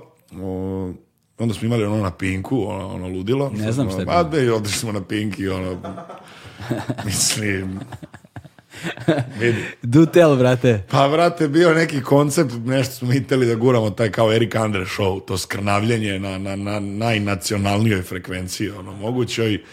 I, ovaj, i onda smo skontali da ipak, naš, kao za nas nije dva sata lajva, mada sada kada gledam to, mi se čini kao legendarna emisija, ta neka prva gdje nam je gost bio Đani, da smo napravili ono, ma mislim, vidi, sve to što si gledao dnevnjak, sve suprotno. Znači da. sve ono, kad, kad neko ko nas gleda i voli, on, naš, on je u fazonu šta im je ovo trebalo.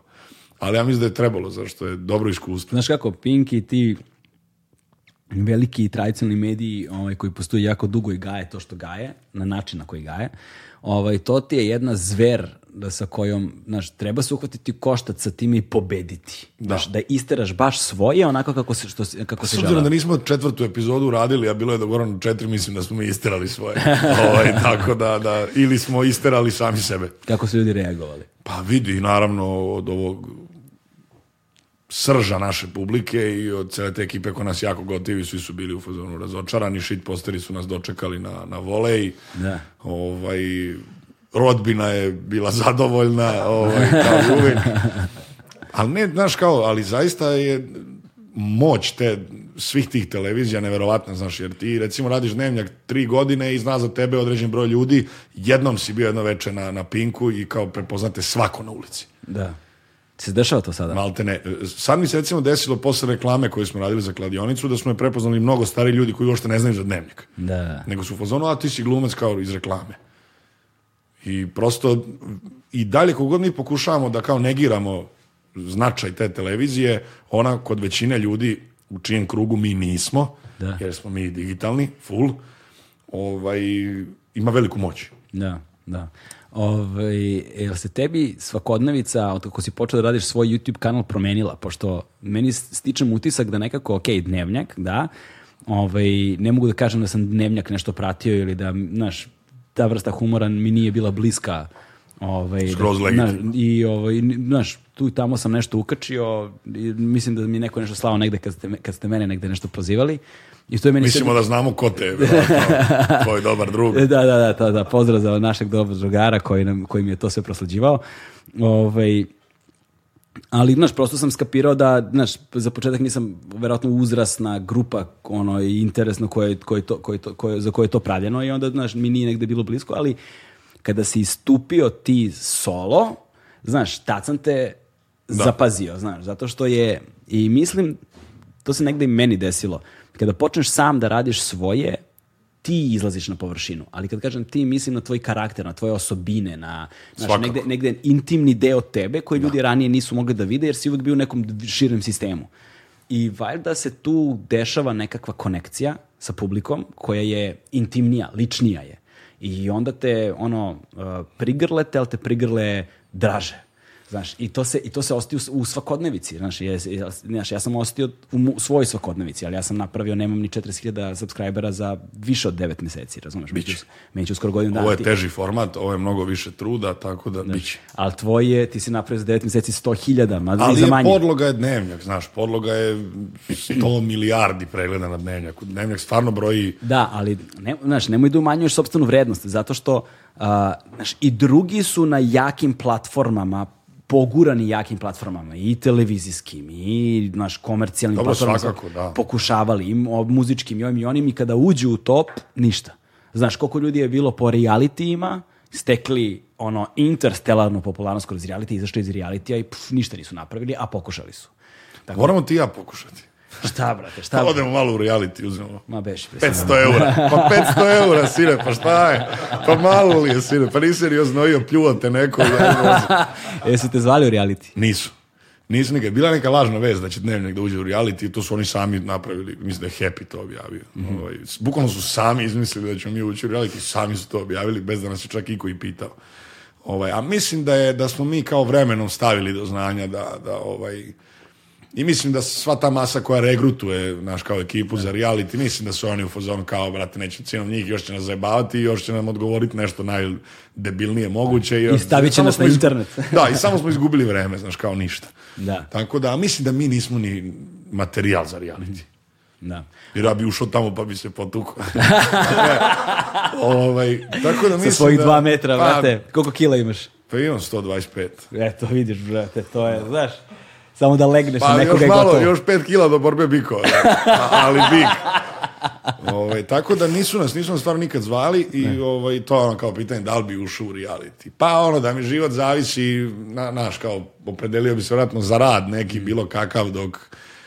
Znaš kao ne možeš ti ni to da osuđuješ. Da stvarno kad pogleda čovjek, šta ja njemu mogu da kažem? On nema čovjek svest da on može zbavi bilo čim drugim, on ima svest da tu uđe i uzme najlakšu lovu i njemu nije problem da se toliko javno osramoti. I kako ja to mogu da osudim? Znaš, nemam pojma. Mislim da za mnogi ljude s jedne strane to uopšte ne doživljavaju kao nešto što je aspekt pa, sram, sramoćenja. oni to doživljavaju kao carski. I između ostalog, da, to sam da kažem, razumem.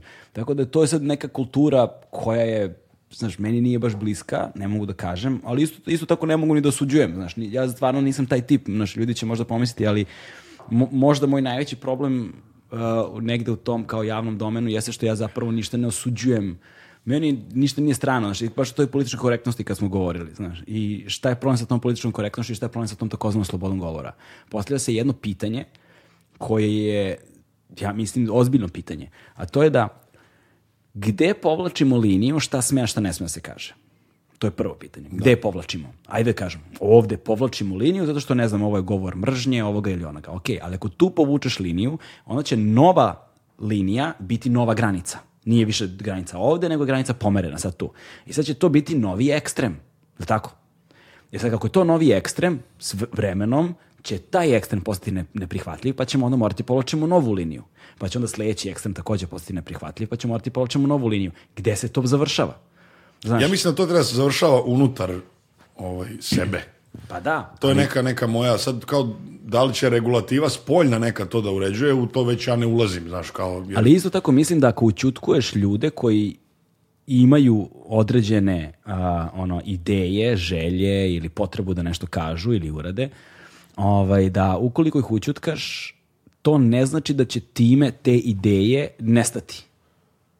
Prosto, Dobro. Ne, prosto neće, znaš. Da. I onda, a kako ćemo da adresiramo stvari, znaš, koje, su, koje doživljavamo kao problem, ukoliko nemamo mogućnost da znamo nešto i niti o njima, niti o tim ljudima, niti o tom problemu, niti o načinu na koji oni misle ili govore. Znaš, to je možda malo neki Sizifov posao, možda bi tako nazvao to. Ili, ili, pa ne znam, znaš, ja zaista... Ili možda uprostim kurčeva rabota. Jer kao ne, znaš, kao ne možeš ti to da iskontroliš. Pa da, kao, šta to. god da izgovoriš, neko može da se opeče. I zato se ja zalažem zaista za tu ono, kulturu dijaloga. Ja stvarno mislim da ljudi treba da imaju pravo da kažu šta misle, i da onda... Ali znaš, snose posledice. I da snose posledice. To Kakve su... god posledice Tako to je. bile, znaš. Da li to od strane države ili od strane pojedinaca i onog lupam kamenovanje na ulici, naravno. Izvoli, naš... reci, vrate, pa da vidimo, naš, nek to ljudi čuju i vide, pa da vidimo šta će se desiti. S tim što sam ja uvek bio protiv e, tupljenja nečeg, samo eto da bi se tupilo. A i to će ljudi prepozni vremenom. Baš, da. Jer tu ti kao nemaš ništa od toga. Samo eto hoćeš da bodeš oči nekim svojim kontrastavom za koji ni ti nisi siguran ali eto, to je tebi... Ma da i to ume da mi bude okej, okay, znaš, jer kada ljudi umeju dobro, da, da, da seru. Ali kad dobro umeju, uglavnom ne. kod tih ljudi 80% ne ume dobro, nego samo je e, pa da, dosadan da, i glup i da. ništa, ne interesuješ me. Znaš, znaš. I, onda, I onda takav dođe pa počne na da troluje ove koji kao pa pričaš. Dobro, to je već na drugom nivou, to je odlično. To, to je, to, je uvek, to se uvek obraduje. To je borat. da, da. Mislim, pazi ti koje je to savršenstvo i glumačko i scenarističko i plansko. Mm -hmm. Da ti nakon... Nisam gledao novog Borata, pa ne obavezno, znam. Obavezno. Jer on sad nije mogao sam sebe toliko da eksponira, zato što ga svi znaju. Mm -hmm. Pa je uzao ovu malu, mislim da je Bugarka. Aha. Bakalova, mislim da se preziva fantastična glumica fantastična glumica koja je odradila isto to što je on uradio u prvom delu, mnogo majestralnije. Zato što je prvo žensko, pa znaš, odmah imaš taj moment kad gledaš glumicu, uvek ti je naravno lepo kad dobro neko glumi, znaš, da. kad imaš neku trash glumu, ono, aj muškarcu još može da oprostiš zašto je postoje Bruce Willis i te cele akcione na tripovi, pa ti nije stalo do glume toliko. da. Ali ovaj, kad imaš nekog takvog u takvom projektu, na tom nivou gde ona sa Đulijanijem sedi priča i troluje, da kako čovjek ostane ozbiljan. Jel imaš ti taj problem, pošto ti dolaziš iz te sfere koja meni strana? Imam ja, ja, sam, ja se dosta na snimanju i ovako inače, nije to često, ali kad me uhvati to je čao. Zato što ja uvek paralelno se dešava dok pričam s nekim, ja u glavi imam neke svoje ono, stvari koje razmišljam u tom trenutku, bez da mi fokus popusti. Da, da. Ali ovaj, i onda uvek tu naiđe neka boleština u kojoj ja ne mogu, ništa sad kao strašno, nego samo me zaglavi u taj moment i onda krenem da ono da se smejem ko majmun. Tako da, da ja ne bi recimo nikad mogao da izvedem tako nešto bez mnogo proba. Aha. Znaš, ne mogu, ne mogu da ok, mogu bi možda da stanem na binu i da kao pevam, kao što je Boracar Car pevao u ovom novom pred onim rednicima i to znaš, ali verovatno bi u nekom momentu popustio taj, taj, da. ta kočnica i mora bi da, da se, znaš, kao izađem kao, ljudi, dobro. Da, mislim da to amerikanci zovu meto, method acting, ili tako nešto, kada, kada se čovjek, glumac priprema tako što uđe, uđe. u ulogu, tako ali to, odrekne se sebe i kao živi svakodnevicu, to je. on je taj. Tako je. On je taj. Na, da. kao što je bio ovaj Andy Kaufman, jel to beše bio Jim Carrey, ne? Ko je bio? Andy Kaufman. Da, da, da, da to Miš, je. Možda, ne, ne mogu e, da se ovaj, um, Pa za Hit Ledgera onu fenomenalnu priču za Jokera. Za Jokera, da. Koja, koja to je, priča? Pa to je bila priča da je on, sad ja ne znam, ono što kaže, ne znam čoveka. Nisam znao, znaš, ali da je jedan deo zašto se on ubio, bio i ta uloga. Aha, to, da, čuo sam za to. Da, Zato sad. što je toliko ušao u tu psihopatiju i, i u sociopatiju tog lika, da, da je na kraju... Da, to je baš spekulativno. Mislim, to je verovatno jedna od stvari, znaš, da. pored nekih mentalnih poremećaja i da, ostalo. Da, koje... to, je, to je baš spekulativno, ovaj, ne treba podcenjivati moć uh, uh, industrije zabave i uh, E, sposobnosti da fabrikuju stvari da bi bismo evo, kao ti i ja sad pričali o tome, znaš. Pa, da. ali s druge, ali ovaj, e sad, e, da li si ti glumac? Pa ne, ne. Ja volim glumu. Mm -hmm. I moja neka neostvarena želja verovatno da budem glumac. Ne verovatno, jeste, znaš, negde donekle. Ne bi se bavio svim ovim stvarima da to ne volim. Da. Ovaj, Ne mogu zato što bi time možda ne uvredio, ali možda smanjio ili umanjio trud ljudi koji su se za tu, za tu profesiju školovali. Da, da. Čisto kad gledam formalno, znaš kao ne mogu da kažem da sam ja glumac. Ok, ja možda imam više sati pred kamerom nego bilo koji prosečan student glume. Da. Da. To isto ne možemo da osporimo. Ali je to onda sad upitno da li je to dobro postavljena kamera, da li je to dobro napisan scenario i da li je to dobra gluma. Da, da, da to sad nije na meni da ja, znaš, mi smo radili kako smo znali i mogli. Higijena glumljenja, znaš, da li je to što sam radio dobro?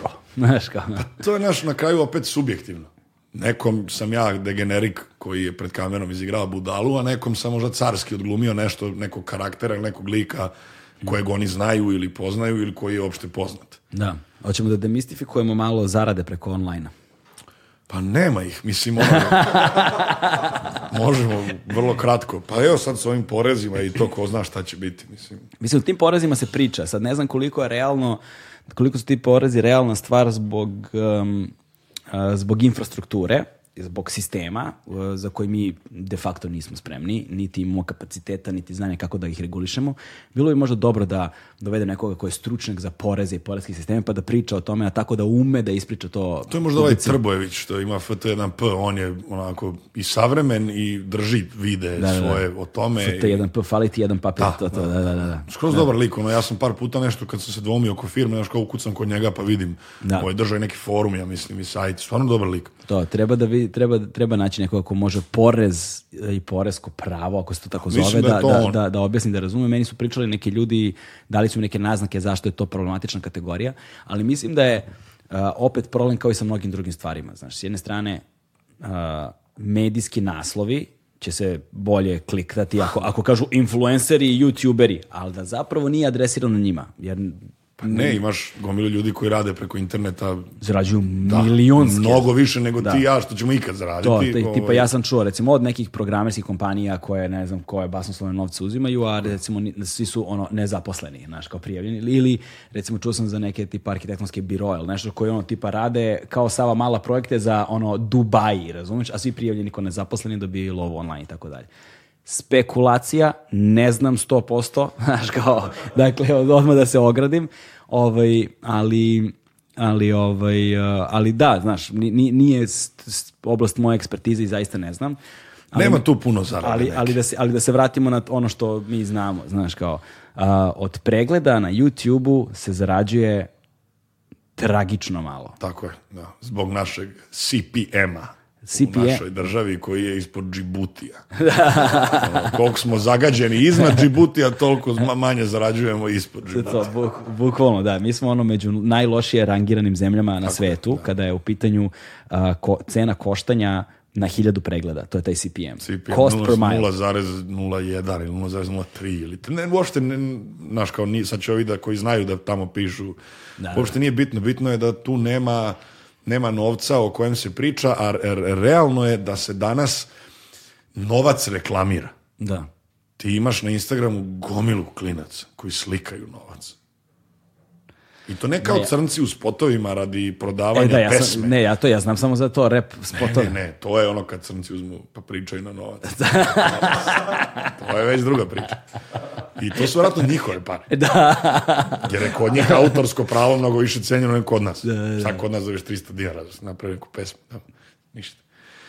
E, problem je što, mislim, mi problem, čak, čak je to nama okay, zato što mi smo tu negde, ono, Mm. Prosek, ajde da kažem, znaš, uzmeš koliko uzmeš, nema tu računi i doviđenja, nema tu tih miliona, stotina dinara, ne, bar kod mene nema, sad ne znam kod tebe. Nema, brate, ovaj, nema te, bro, odmah ti kažem. Pa da, mislim da je to malo, malo prenapumpano od strane youtubera koji su to forsirali, ono, daj tu treću da probam. Ovo ti je, brate, sad, uh, Kruška, a.k.a. Viljamovka i ova, brate. Agelastova e, ova je tvoja neka. Ovaj, uh, gore. Gore? Mm. Dobro. Vidjet ćemo može li gore. Evo ti malo vilje, bato moj. Tako da mislim da tu nema, nema, nema puno šta pričati, osim da zaista, znaš kao, e, ali al, pazi da, ovo sam jako bitna stvar. Mi smo spram broja stanovnika mm -hmm. i YouTube kreatora da. jako visoko rangirani u Evropi. Šta to znači? Ne pa znači da ako Nemačka ima XY stanovnika, ima XY kreatora, mi sprem tog odnosa imamo više. Aha. I ti kreatori nam imaju više pretplatnika. Kako I taj znaš? sadržaj se više gleda. To sam negde pročitao. Da li neko na onom TED Talksu pričao ili ne, negde neko je to spominjao. Da smo spram broja stanovnika i broja ljudi koji rade na youtube u i broja pregleda svega toga dosta više nego neke ono kao razvijenije zemlje. Da. Ja ne možeš ti da poriš Ameriku. Ok, Amerika, 300 miliona i svaki drugi čovjek je youtuber ili reper ili predsjednik. Da. Ovaj, znaš, ne možeš.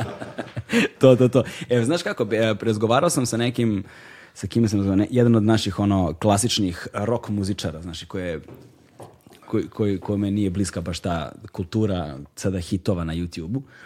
I ovaj, bio je u fazonu, ko je obote, gledao sam pre neki dan, kaže, ovaj, ne znam, Oasis pesma Wonderwall, kao ima ne znam koliko pregleda, ono, Džala i Buba imaju pet puta više pregleda od Oasisa jednog. Kako je to moguće? Ja kažem, pa pazi, prvo ta pesma je stara ono više od 20 godina, znaš i pojavila se pre nego što je postao internet. Internet je užasno aktualna stvar. Znači, znaš, ti ćeš pogledati neke interstelarne hitove iz 80-ih, 90-ih i to nemaju toliko pregleda. Osim ako ne postanu ono meme fora kao što je da. Rick Roll, ono, znaš, e, never gonna give you up i te fore. Ovaj, to je jedna, jedna, jedna, jedan dobre. aspekt. Da, a? Dobre. Dobre, Znači, to, je, to, je, to je jedan aspekt, a drugi je, oni kažu da, ali oni se obraćaju kao ljudima sa engleskih govornih područja, ali moguće da na engleskom govornom području kao cele planete nema dovoljno da nakrca pregleda za ovo. E, tu je druga stvar. A, kod nas je YouTube nešto besplatno. To je to, besplatno. Nema ovde socioekonomskih faktora koji mogu da utiču na to da ljudi prave naloge na Deezeru, Spotify da slušaju muziku. Ima ih, ali je to vrlo mali broj u odnosu na ljude koji slušaju to preko YouTube-a. Pa da. Znaš, za jednu razvijenu zapadnu zemlju oni plaćaju pretplatu za Netflix, za HBO, za Hulu, za Amazon Prime, za Spotify, za Deezer, za ovo, za ono, za iTunes, Apple, za šta god. I sve to zajedno je njima nikakav trošak. Ko nama da odemo na kafu. Znaš, I onda je njima prirodno kada hoće da čuje pesmu, ode pa je čuje tu, ne ide na YouTube da je čuje. I vrti je u beskonačno. I vrti je u beskonačno, znaš, i to je ono. Ali isto tako i poslovni model skratio pesmu. Nekada je radio friendly song bila 3 minuta, ali sada je 3 minuta mnogo dugo jer se preko streama, što više streamuješ u 24 sata, to si više para zaradio. Pa daj da skratimo pesmu na minut i po ako može. Da, da ide da samo mogla... hook i refren i čao. Da bi mogla više puta se streamuje. Tako da da, ta zarada preko YouTube-a je ono, Nažalost, tragična stvar. Koliko sam skontao ja, nemam proverenu informaciju, muzičari uzimaju dosta više, bez obzira na broj sadržaja. Znači, samo gledanje ovaj videa, poenta je u stvari da bude što duže i da ga što više ljudi gleda. Da. Što znači, Joe Rogan, znaš, bez obzira i da je u Srbiji i da ima ono kao blizu, blizu tih pregleda bi kidolovu. Da. Zato što verovatno se jako dugo gleda taj sadržaj. A to jer, već ne znam. Jer tebi ne vredi u suštini na YouTube-u da ti imaš video 2 sata i 200.000 pregleda ako je taj video gledan u proseku 5 minuta. Da. Ako je fora da je gledano sat i 50. Nemam pojma, znaš, problem je, ne znam, naš problem je u tome što s jedne strane naš, na podcast platformama, na primjer, ja gledam koliki mi je prosek slušanja na podcast platformi na YouTube-u. Ljudi koji slušaju na podcast platformama su ljudi koji već imaju razvinu kulturu slušanja podcasta. Da, da. I oni voze Škode. Užasno je mali broj tih ljudi, ali ti ljudi slušaju skoro cele podcaste. Znači, ako podcast traje dva sata, prosečno vreme slušanja je sati 50 minuta, znaš. Ovaj, dok, na YouTube, da, dok, na YouTube-u, ono, znači, ako je, ne znam, dva sata, prosečno vreme slušanja je 30 i nešto, 40 minuta. Što je za YouTube isto odlično. Jeste, ali je mala para nas prema što bi moglo da bude. Tako je, znaš, e, to je jedna stvar. Ovaj, ali druga stvar je, jel ponovo zvoni sa posla? ovaj, e, ali a, druga, druga, druga stvar je u tome što uh, odakle dolaze ti pregledi. To je... To Dobro, diaspora je opet tu ključna. Da. Opet se vraćamo na Duisburg. Da. ovaj, i, i, i, na Hoffenheim. Što je, što je Rasta meni jednom prilikom rekao kad sam ga intervjuisao za neki dokumentar serijal, kako, kako, kako je rekao, kaže, fufen fafen, tako on kaže. kaže, kaže, pusti, daj bre da pravimo muziku na digitali da ne moram više da idem u fufen fafen da nastupam. Mrad. Ali vidi, to te drži. Da. Ne možeš ti da kažeš, znaš, taj klik odatle je pet puta vredniji od ovog klika ovde Jeste, ono, ono, što, ono što postoji kao problem eventualni, ne nužni, ali eventualni jeste što ovaj, zbog toga što je taj klik vredniji, onda je poslovni model proizvodnje muzike takav da se muzika adaptira, da se dopadne ljudima iz dijaspore da bi odatle stigao klik jer je to ono što zarađuje pare. Jasne. Znaš, i onda se namenski pišu tekstovi, prave motivi, oj, majko, oj, tata, otišao sam preko, nema me, kukul, znaš, i to, i onda to pogađa ljude koji jesu Kako preko. Kako smo zaboli cobi ovde, a da nismo ni svesni. A, jel da, da, a, pa jeste, da, da biseri da. iz blata su... Pa to, to je to. Znaš, da, to da, da, znaš, biseri iz blata je himna dijasporaca. Pa to, ima, ima još jedna, um, ima još jedna pa ima ona Auslander. E, pa Auslander, pa ima, Auslander, da, bravo, da. bravo, bravo. Znaš, to je to. Znaš, to su dobri primjeri, recimo, kako, znaš, i to sam siguran da iz dijaspore puca. Mada, opet, možda grešim, znaš, sad će da me zove, ono, ne znam, Đole iz IDJ, da mi kaže, brate, vidi statistiku koliko je pregledi Srbije, znaš, i onda, ja, i onda me usere. E, ne, pa sigurno je, znaš, kao velik broj pregleda i odavde, naravno, znaš, da. kao ne bi uspelo i ne bi ni ovi čuli da ne znaju neko ko to ovde sluša da, ili da, da. zašto je s našeg onog područja, pa naši to tamo i prošire. Ali jako je lepo, ne znam kom je to pričao, kaže, ti kad si u Nemačkoj i radiš fizički posao, ti si od ponedeljka do subote na baušteli. Da. I ti u subotu imaš svežu kintu u novčaniku i nastupati Đani, Cobi, Rasta, bilo da, da. ko, i tvoj u, u, klubu koji je 20 km od tebe. Da, da. Ti sve što si radio šest dana, to ide u separe. Da, da, da. Kraj. To je vodka, to je. to je sipa gađa i znaš to. I ne možeš ti to da, znaš kao, ne možeš ti njemu da kažeš, pa što sine nisi otišao u pozorište s tim parama. Ba kako pa. E to je mora to je... ta energija da, da se izdivlja, mora to ali, da... ali kažem i to nije nov koncept. Ima Želimir Žilnik je radio dokumentarni film baš i ima ima ima ta ta kultna scena, ovaj ono 15 sekundi, 20 sekundi crno-beli ono iz 60-ih kao online. Ima na YouTube-u se nađe kao kada eh, vidi kaže ja sam ne znam, kovač ili ta, ne još kao mi to što za nas pričaju o mladinci, to nije istina. Ja sam kovač, livač, tako nešto kaže, radim od ponedjeljka do petka, 9 sati dnevno, a kad dođe petak, znaš, kao odem u gostionu i našikam to to, se i pravi haos. Pravi da, haos. Da, našikam se i pravi haos. To je to. Znaš, um, I to se da. ne menja, to se nikad neće promeniti. To, ni, to ne se ne menja i to ne, ne može se promeniti zato što ne, na fakultetu su kod nas lepo govorili, kaže, um, ne može Kant da se čita na prazan stomak. Pa dobro. Znaš, kao, znači, postoje minimalni preduslovi koji moraju da se ispune da bi uopšte mogli da govorimo o nekakvoj visokoj kulturi, visokoj umetnosti, ome ili onome što bi nama moglo da predstavlja fa, ne znam, ono, znaš, inspirativno, da ti tražiš nekakve abstraktne fenomene u visokoj umetnosti, vrate, gladan si. Znaš, to ne može. ne može. Da ti nemaš tu dokolicu, to slobodno vreme da ti zarađuješ dovoljno, da živiš dovoljno privilegovan život, da ti imaš dovoljno slobodnog vremena u životu, da se baviš takvim stvarima, to je od uvek bio manjinski deo populacije. Pa, mislim, ajde uzmi primer sad najgluplji, ono, baš ću ga banalizovati, hrana, znaš, kad si gladan, šibaš meso, krompir i to, a kad se najedeš, onda može neki fini desert. Jer ne možeš ti, znaš, gladan si i onda krljaš kao neke, ono, Fini 10 Kolačić. može uvek, razumeš? Pa e, A dobro, ali je, najbolje kad legne posle svega. To, da, to je kad podeš ono, na slavi, e, ako ne podeš u sitnih kolača, Znaš, pa ne, i, slave su nepresušan izvor komedije. I 38 sarmi pitaju te šta nije u redu s tobom. Da, da. Slave su nepresušan izvor komedije. Da. Gde god imaš tipologiju ljudi koji možda rašlaniš, to je, to je uvek komedija. Da.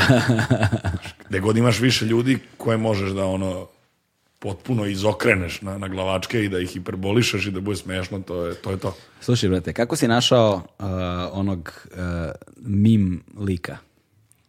Aha, Sarima.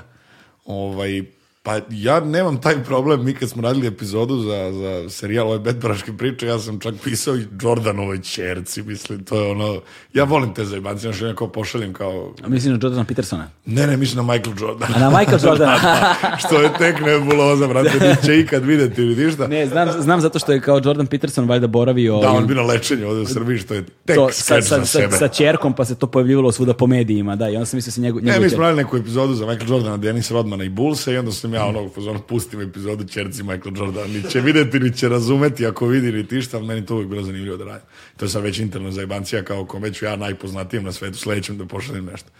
Na Instagram kao privatno. E, to sam uradio s ovim likom. Bukvalno sam skontao da ima Instagram, da nema puno pratilaca i da je velika šansa da šta god da mu pošaljem vidi i da čak ima više pratilaca od njega, što je sa to univerzum u kom i merimo ko ima koliko pratilaca, ali realno mi je zato možda i odgovorio. Mm. Znaš, on je video, e, neki lik napisao mi na englesku, ima 100.000 pratilaca, kao možda mi je ovo šansa za bilo kakvu, ono, za medijsko eksponiranje, bilo kakvu, znaš. Da. I, ovaj, I bukvalno sam mu poslao, zdravo, ja sam taj, taj, bavim se tim i tim, imam uskoro specijal 100.000 subscribera, želeo bi baš ti da budeš god, zašto god ti mimove, kao velik sam fan i realno je do da ja fora. Ne. Da. Ovo, ovaj, I on je bukvalno kao pu, brate, iz Simpsonovih, ono, jako je, jako je veseo bio i odmah je to prihvatio i snimio je voice message gde da on je kao do jaja mu je i Srbija i fanovi i voli nas sve i baš mi onako nekako bio sam taj dan bolji čovjek zbog njega. Da. Ovaj, pa znaš ono kad ti neko onako unese, ne znam, pozitivu, a, a ništa ti nije uradio specijalno. Da. Samo našao onako, taj lik ima razloga da se baš ono raduje nekom pozivu iz Srbije, jebom što ne bi ti imao ono nego mene u sred parkingu u Beogradu, pa onda jebi ga. male pobede, male, male pobede. male pobede. Tako da znaš. da bukvalno sam u poslu to, on je bio u fazonu hoću i onda smo dogovorili ovaj intervju i to je to.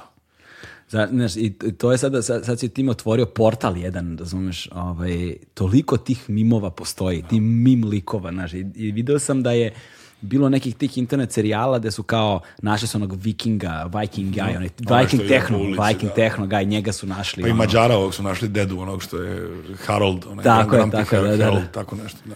To, znaš, i onda sam te ja pitao kad smo se dopisivali na Instagramu u jednom prilikom kao da ima nekih naših ljudi koji su završili u mimovima? Nema globalno. Da. Nema da znam, da znam. A pratim to ono dosta i nema naš kao da je, da je obišao svet mima, da je naš. Da. Ne mogu da, ne mogu da nađem. Uglavnom je to ono krenulo, ok, 9gag, Reddit, ne znam, i sve te platforme i portali i sajtovi ali ja nekako slabo i pratim sad strane mimove, znaš, da. meni su ovi, i toliko ima domaćih dobrih ovih shit postera i mimaroša da je to meni dovoljno Mimar, skroz. Mimaroš, mimaroš kakav da, termin, da, mimaroš, da, ti znaš, da.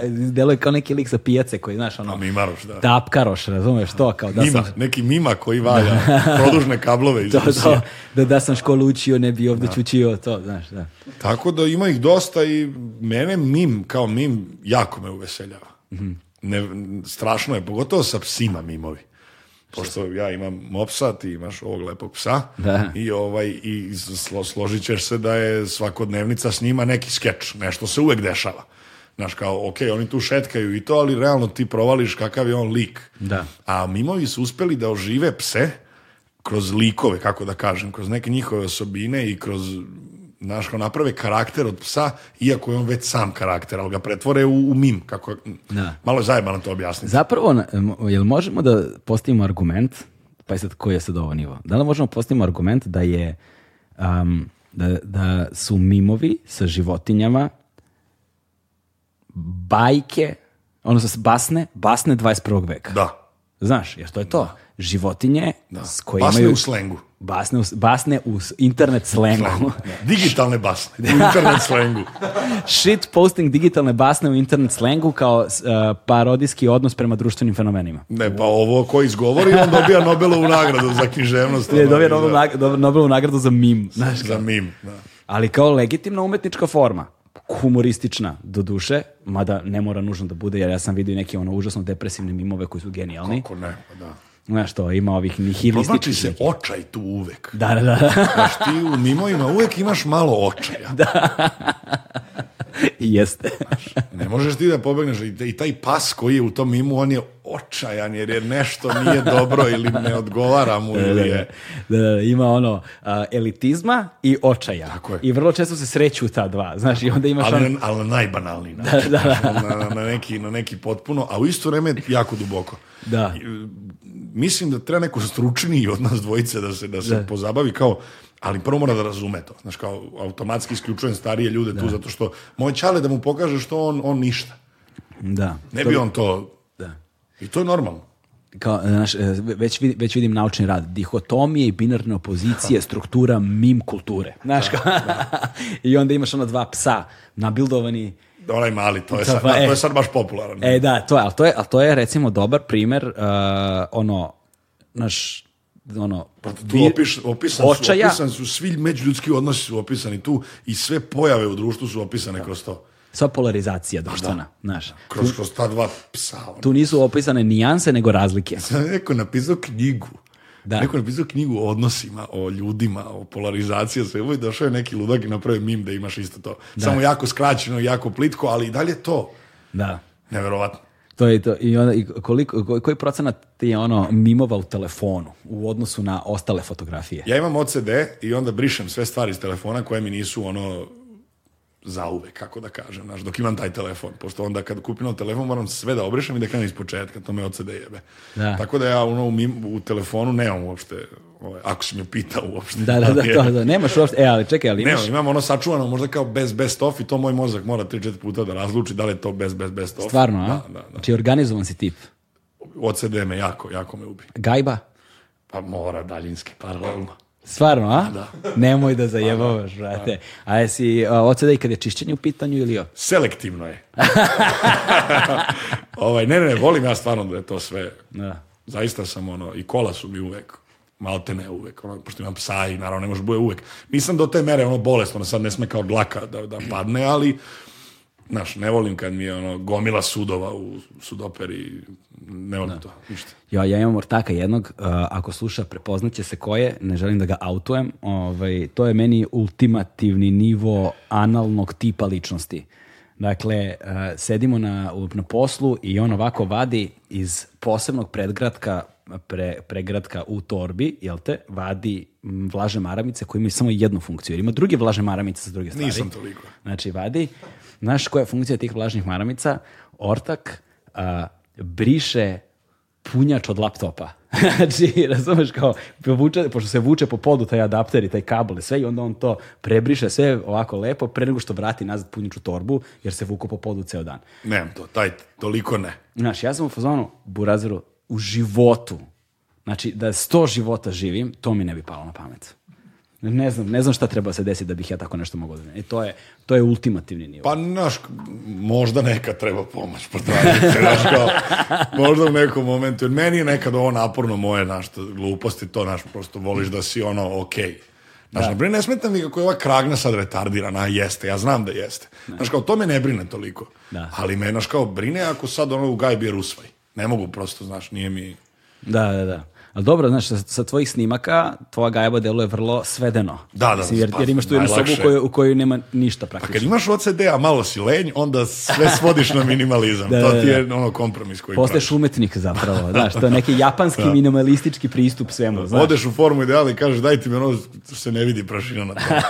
taj materijal mi treba, taj, ta boja, to, to, taj dezer. Znači ne kupuješ crni auto. Ono. Da, nemam crni znaš, auto. Znaš to, da. Što je for, to sam provalio kod crnih kola, kad ih opereš, čista su samo prvih sat vremena. Jer svaka prašinica, sve što padne na crnom se odma vidi. Do kraja dana taj auto više nije čist. A znaš da sam pročitao negde? E, ne znam da sam to našao, svaka čast kogod je zapazio to i...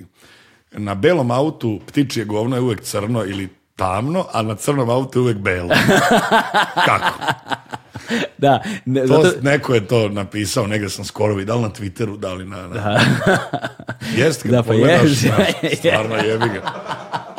ne mogu da kažem da sam razmišljao o tome. Pa da. Kad tako kažeš, deluje da ima smisla, ali bih morao empirijski da dokažem. Znaš, moram da, ajde da fotkamo pa da vidimo. A ovaj da tvoj kraj ovde je predobar za to. Uf, ovde ti je odavno. Ovo je, ovo je granični prelaz za ptice gde imaju oni toaleti, treš, gde ono svi kenjaju e, to je bukvalo ovo da, re, reka je tu odmah, odmah tu, eto, naš, Dunav je odmah tu, naš, ovde im je pit stop, i to je i ovde je taj ovde, mislim da je izvozni proizvod ovog kraja su pseći, e, e, pseća govna ono. O da, stao sam par puta ovde baš u jako govno. Da, da, ovde ih ima, ovde nisi siguran da je ljudsko ili pseće. Pa uvek je to. Da. Znaš, da, da, to uvek je. je jer ovde probaš pa vidiš. I to što da. kažeš, da, ima smisla, jevo te razumem. Ove, ovaj, tako da, uh, sam se, totalno, totalno sam se, vrat, izgubio svemu, svemu, svemu tome. Drž se. Drž se. Drži e, sa, e, sada, ovaj, a, u kontekstu kad ti praviš svoje videe, a, ovaj, teo sam te pitam, a, jel ti imaš ekipu s kojom radiš ili sve radiš sam?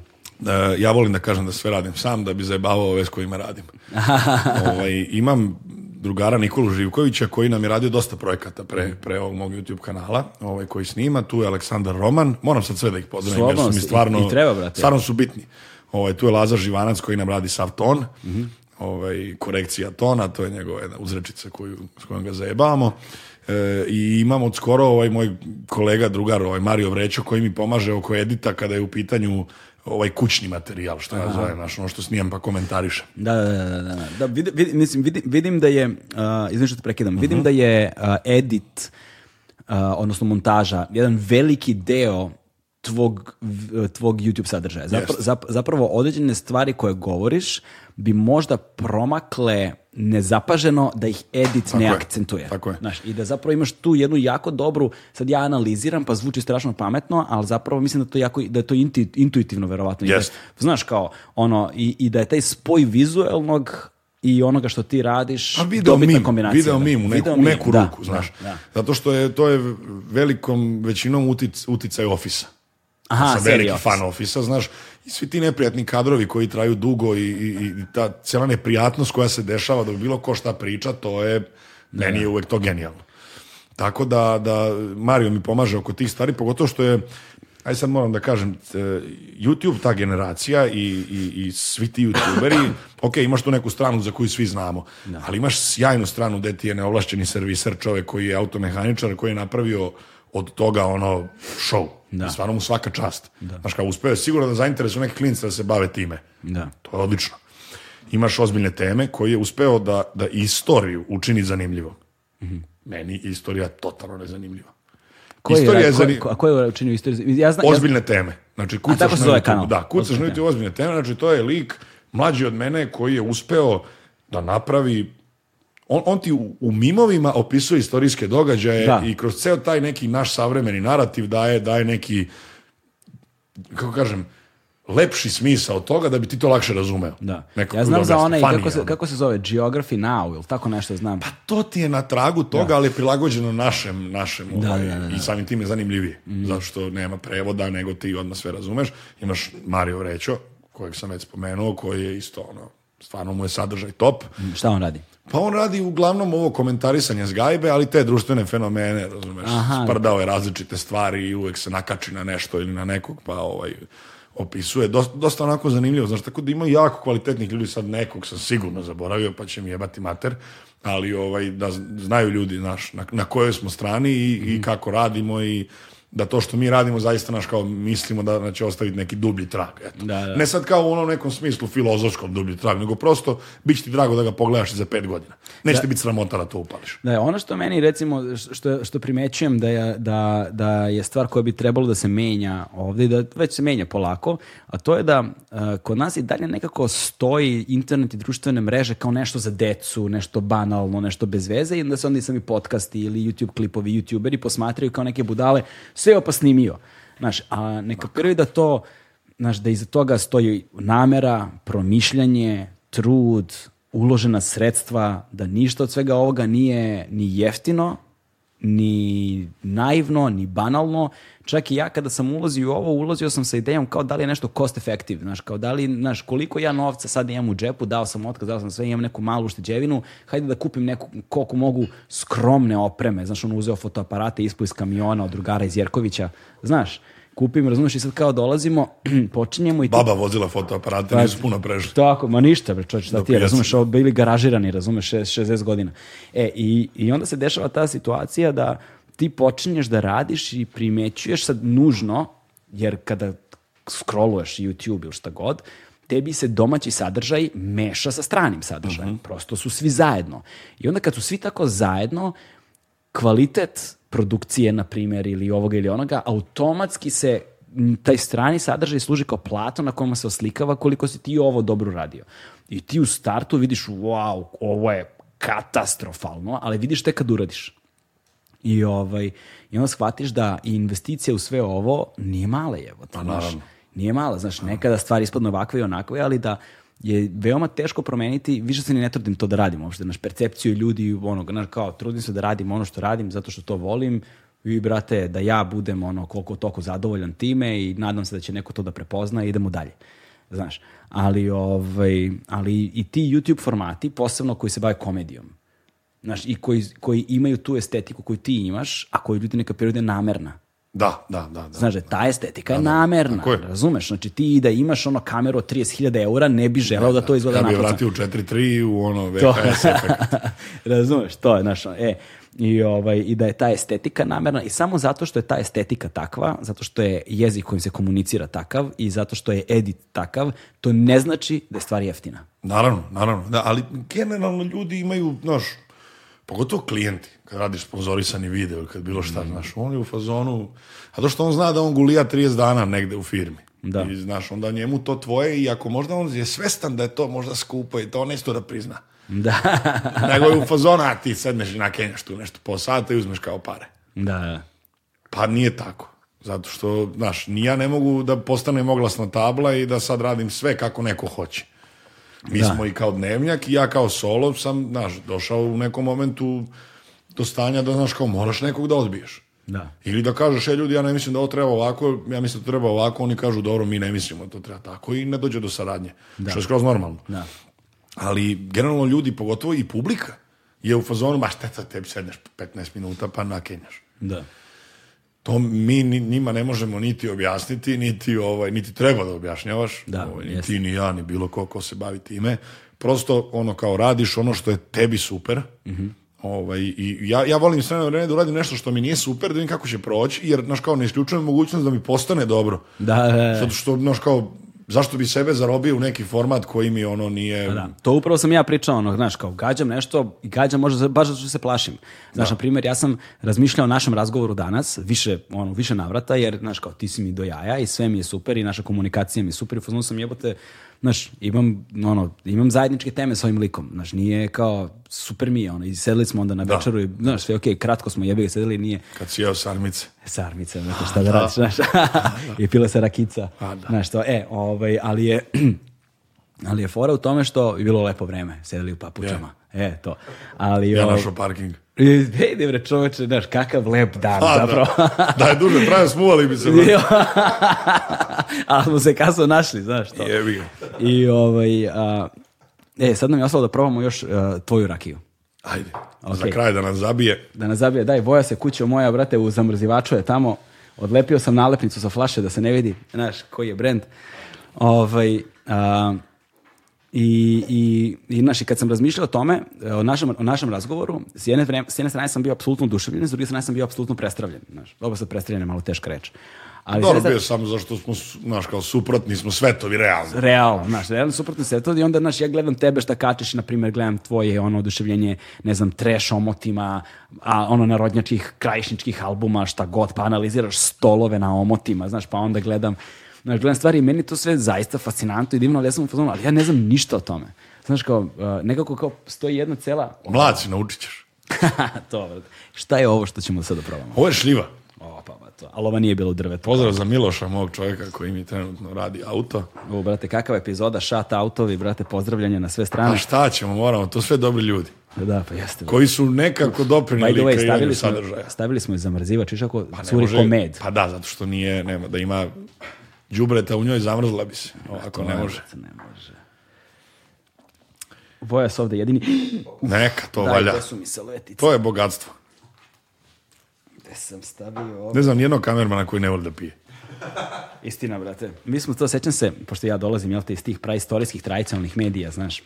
I onda se sećam, e, hvala kućo. Ovo, ovaj, I onda se sećam um, mojih prvih iskustava rada na terenu.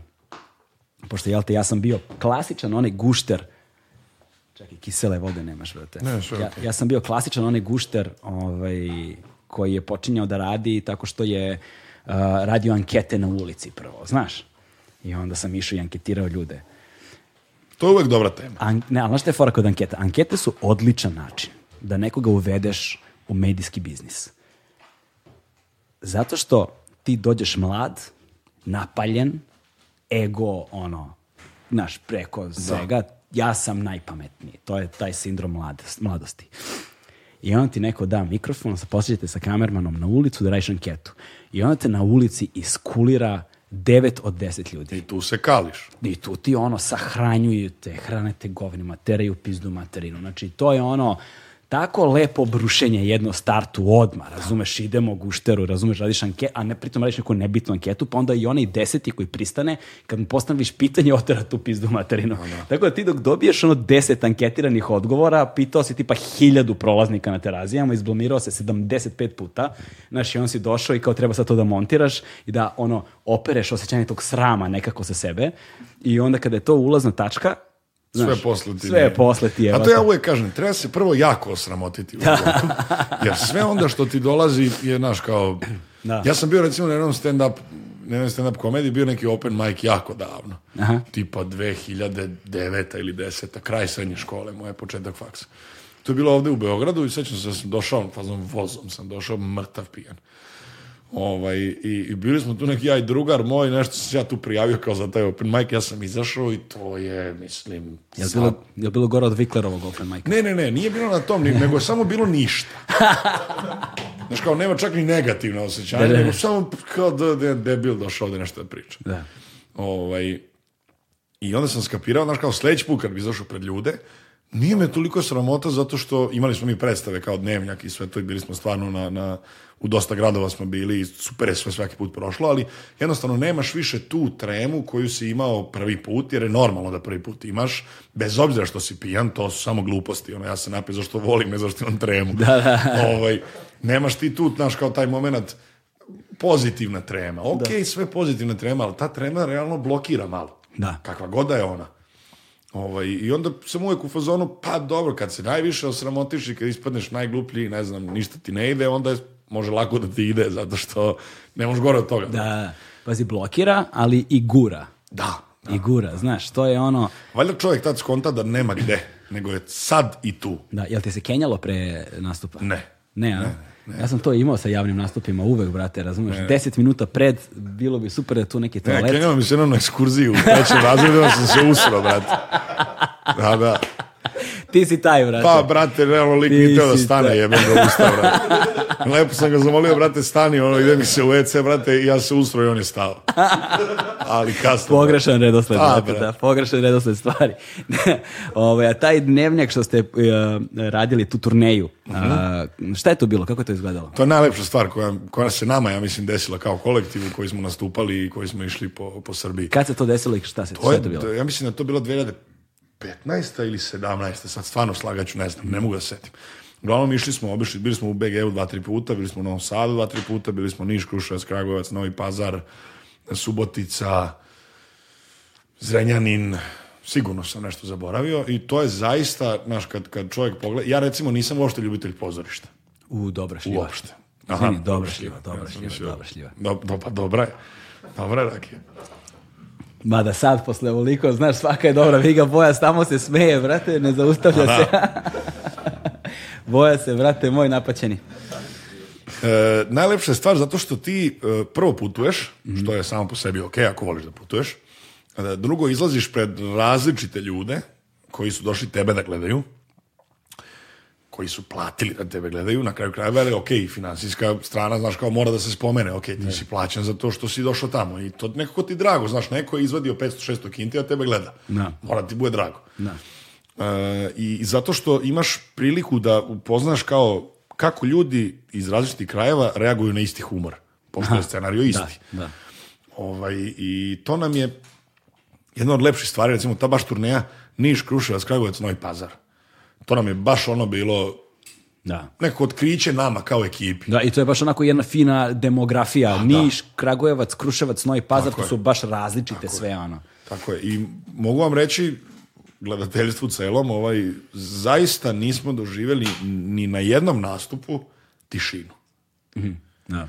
Ok, naravno, ljudi plate i ljudi dolaze s namerom da se smeju. I samim tim se već malo smeju, kako bih rekao. Ali, e, jako lepa atmosfera svuda ipak mislim da je, da je publika u Nišu i u Beogradu bila najživlja. Mm -hmm. Sad bez da se iku uvredi, ali mislim da je to onako bilo baš... Da. Ovaj, u Nišu su nas stvarno ljudi ugostili. Znači, to je bilo... Ne mogu da, znaš, ne mogu da opišem. Da god smo mi otišli, ko nam je organizovao, ugostio nas je, ne mogu da kažem ništa, ali Niš je baš bio nekako ostavio pečat. Da, da. da. I hrana, i upoznaj ovo, i vidi ovo, i ajde vamo, i ne može to tako ako vi hoćete, mi ćemo vama da... Stvarno su, i Čačak, Čačak da. isto bio pošten. Da, da, da, Tako da, da, da, nekako za nas koji prvo nismo iz pozorišta, ja kažem ja ne gotivim nešto pozorište, nema mi, ne, ne vozi me nekako. To, da. maš, moram biti iskren. E, za nas koji nismo iz tog sveta, pa pogotovo koji smo glumci, pa onda izađemo na binu da. i glumimo uživo pred ljudima nešto što smo napisali, da, da ima gomila improvizacije, jer prosto nismo mi uvežbani na, na taj način kao profesionalni glumci, je to zaista bilo ono otkriće i baš nam je drago i eto, nadamo se da ćemo bar to uspeti da ponovimo, pošto smo imali dogovoreno Brčko, Bijeljinu, i Sarajevo smo imali uh, dogovoreno. To je, to je sigurno da, zezanje dobro, da. Brate. To, Ovo, ovaj, je to smo imali dogovoreno pre korone, međutim, evo, e. to se desilo i prosto ne smemo ni sebe ni druge da dovodimo u rizik i nadam se da će svi ti ljudi koji su nam se tada javili da nam se opet jave i da to opet organizujemo, da. zato što mislim da će to biti da, jel, jel Srđan Dinčić, brate, iz... iz On je Sremski Mitrovica, on Fox. Ona je to, kakav spoj, vrate. Miloš Miloković, Fox. Fox. Dimča i, i Siniša Kovačević ti iz Mitrovice. Siniša Kovačević? Pa, mislim, drama, a, pisac da, pisa, da, stiš, a, okej, okay, okej, okej. Dramski pisac. Dramski pisac, da. Siniša Kovačević. Znaš.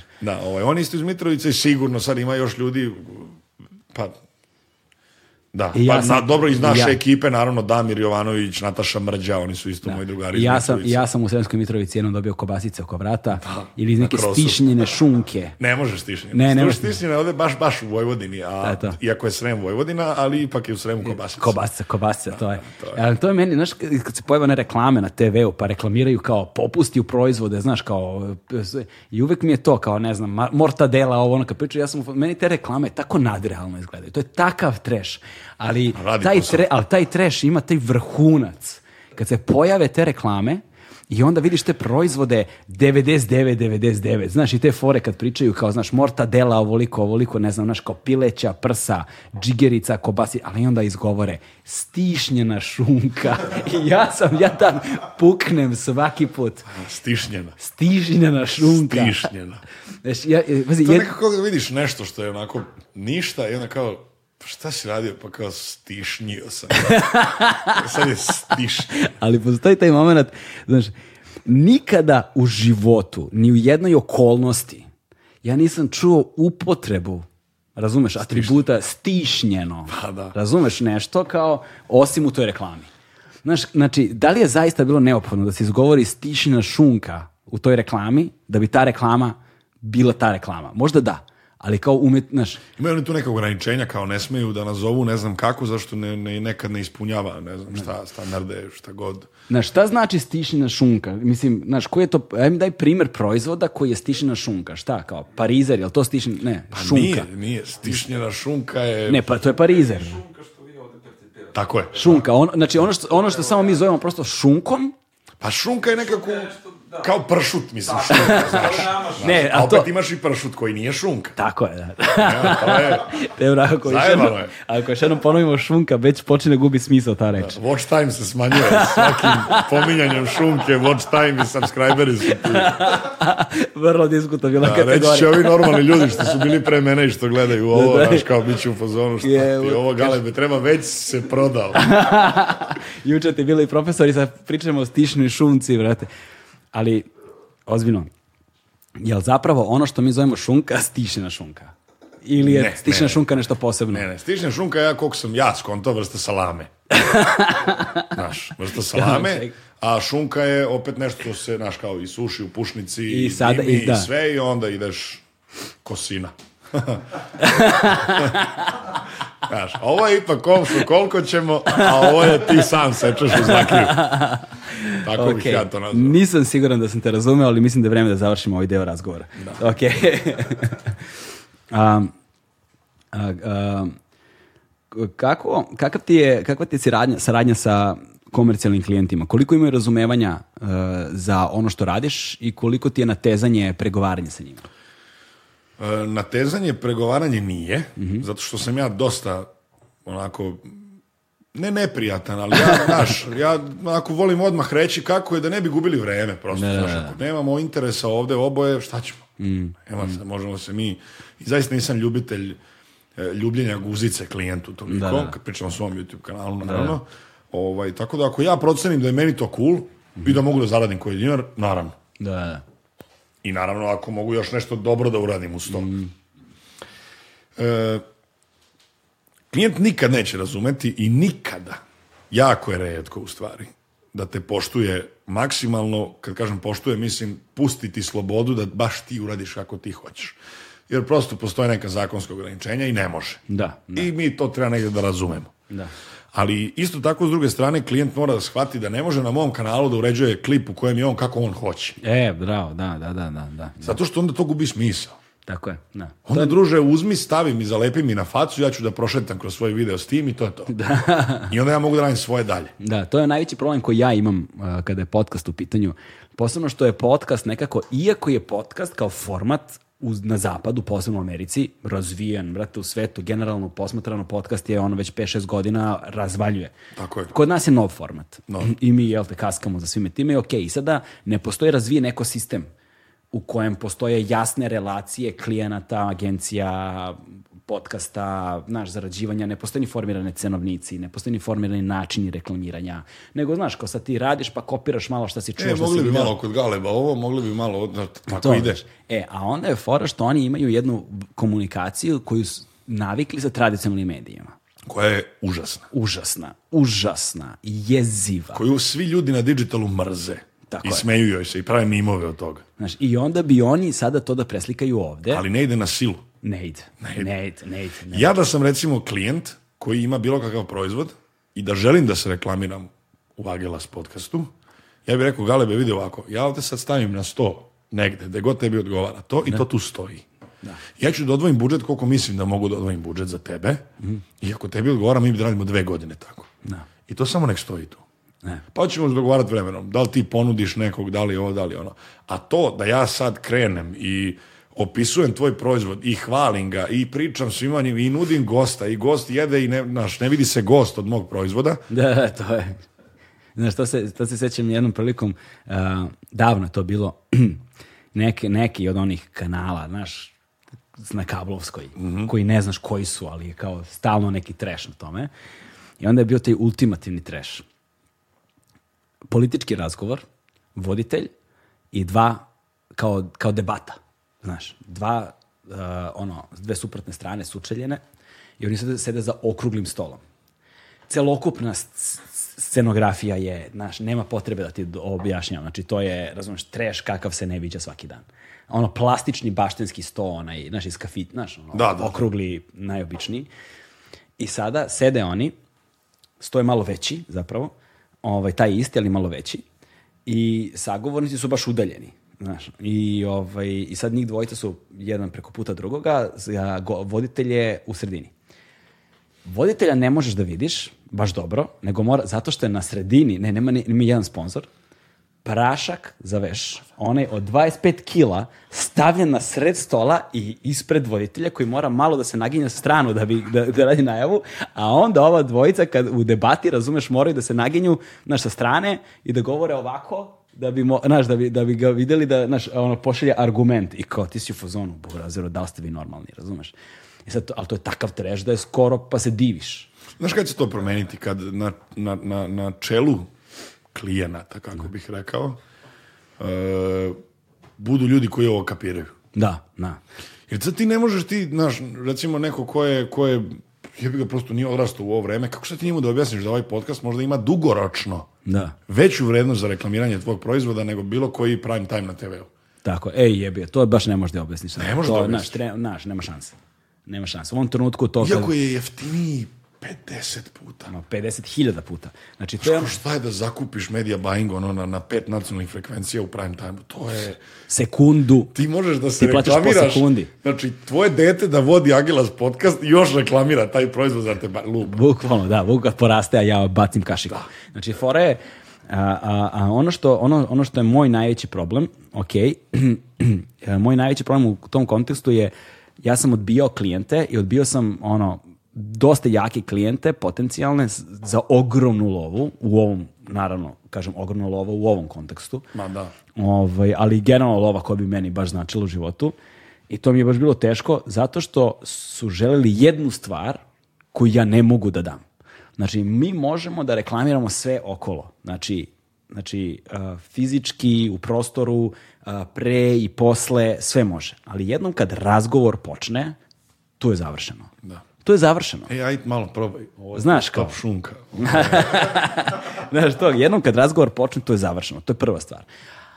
Ovaj, to je bio, to je jedna instanca s kojom već neki klijenti kao, znaš, nisu zainteresovani što ti ne možeš da prekineš podcast i da razumeš ono, ne znam, znaš, dešava se, jebote, imaš sagovornike, neko će da se otvori emotivno, neko će pričati nešto duboko profesionalno, ne mogu ga prekinem i kao, evo ćeš, brate, da, znaš, kao, pojedemo nešto, razumeš, ili šta god. Ali druga stvar je, Za piće je to već jednostavnije. Ali druga stvar je ovaj, što bi oni da uđu u sadržaj. Znaš, kao kažu ti, e, brate, ne kažu brate, ali kao, naš, e, kao... Poštovani? Po, poštovani, poštovani, sve je super. U prilogu vam šalju. Ali kao, mi imamo, ne znam, CSR, znaš, kao, naš, oni sad imaju neku društveni odgovornu radi, oni bi sada voleli da a, mi govorimo neku društveno odgovornu temu, dovedeš DRMR nekoga. 90 puta da spomenemo nešto. Ne da spomenemo, kaže, ne mora ništa da se pominje naš brend, ali kao mi da ti izaberemo sagovornika iz naše kompanije. To je isto najbolje. Znaš da... Aj vi vozite moj auto dok ja sedim vam u krilu. To, između ostaloga. Da. I onda sam ja pozvan, ali kao to ne može, i onda su pozvano kako ne može, ali kao to mi dobijamo zvo. To je taj kozvani native advertising. E, da, oni native smatraju, uh, jako je smiješno kako oni posmatraju native, uh, nije baš u glavu. A to što nije baš u glavu ne znači da i dalje ne bode oči. Mhm. Tako da to nebuloza. Zato sam ja ono rekao, vidi, moj YouTube kanal je moj hobi. Da to. I ako nećeš, pa šta da radim? Da. Meni YouTube kanal nije hobi, ali ja, ali ja sam i dalje u fazonu. Svi gosti, sve teme, dakle svi sagovornici, sve teme, su moj izbor nikakav komercijalan klijent nema nikakve veze sa time. Ja sam birao. Znaš? Da, da. I to je ono... I to je okej. Okay. I dakle. tu možda reklamiraš crnog đavola ako se on uklapa u tu tvoju dakle. priču. Ako se uklapa u priču, sve može. Zato ja nikad nisam rekao ja ne bi reklamirao. Ne, ja bi reklamirao. Tako je. Ali ako ja vidim da ja tu mogu sebe da upakujem da je meni okej. Okay. Da. Jer sada ja radim bilo šta zato što eto neko mi je dao mm ono nekoliko stotina eura ili bilo šta, ne, ne pada mi na pamet. Na, da, apsolutno. I to je ono, i ljudi to prepoznaju. Jer recimo ja sam imao podcast gde sam doveo, doveo fotografa Predraga Vučkovića, koji je Red Bullov fotograf, a Red Bull je meni sponsor. Uh mhm. -huh. I niko me nije palo na pamet da prokomentariš, e, kao, oni su ti sponzori, pa su ti... Ne, zato što je to potpuno jasno, ja sam do duše to i rekao na samom početku, on je došao tu zato što je on, brate, ubica, razumeš kakav je fotograf i stvari koje je doživeo i mesta gde je bio, znaš, onoliko otputovao na ono Antartik, na neki breg se peo gde je ono 50 ljudi u istoriji civilizacije znači, bilo. I čiji god da je fotograf, treba ga saslušati i ugostiti. Razumeš, to, znaš. I onda, I onda možemo da reklamiramo do sutra Red Bull. Nemam problem, razumeš. Mu Dođi, brate, obučen u Red Bull. Ja, sam, za, ja sam zainteresovan za tvoju priču. I to mene zanima. I ukoliko se nešto tu uklopi, uklopilo, uklopilo se, bože moj.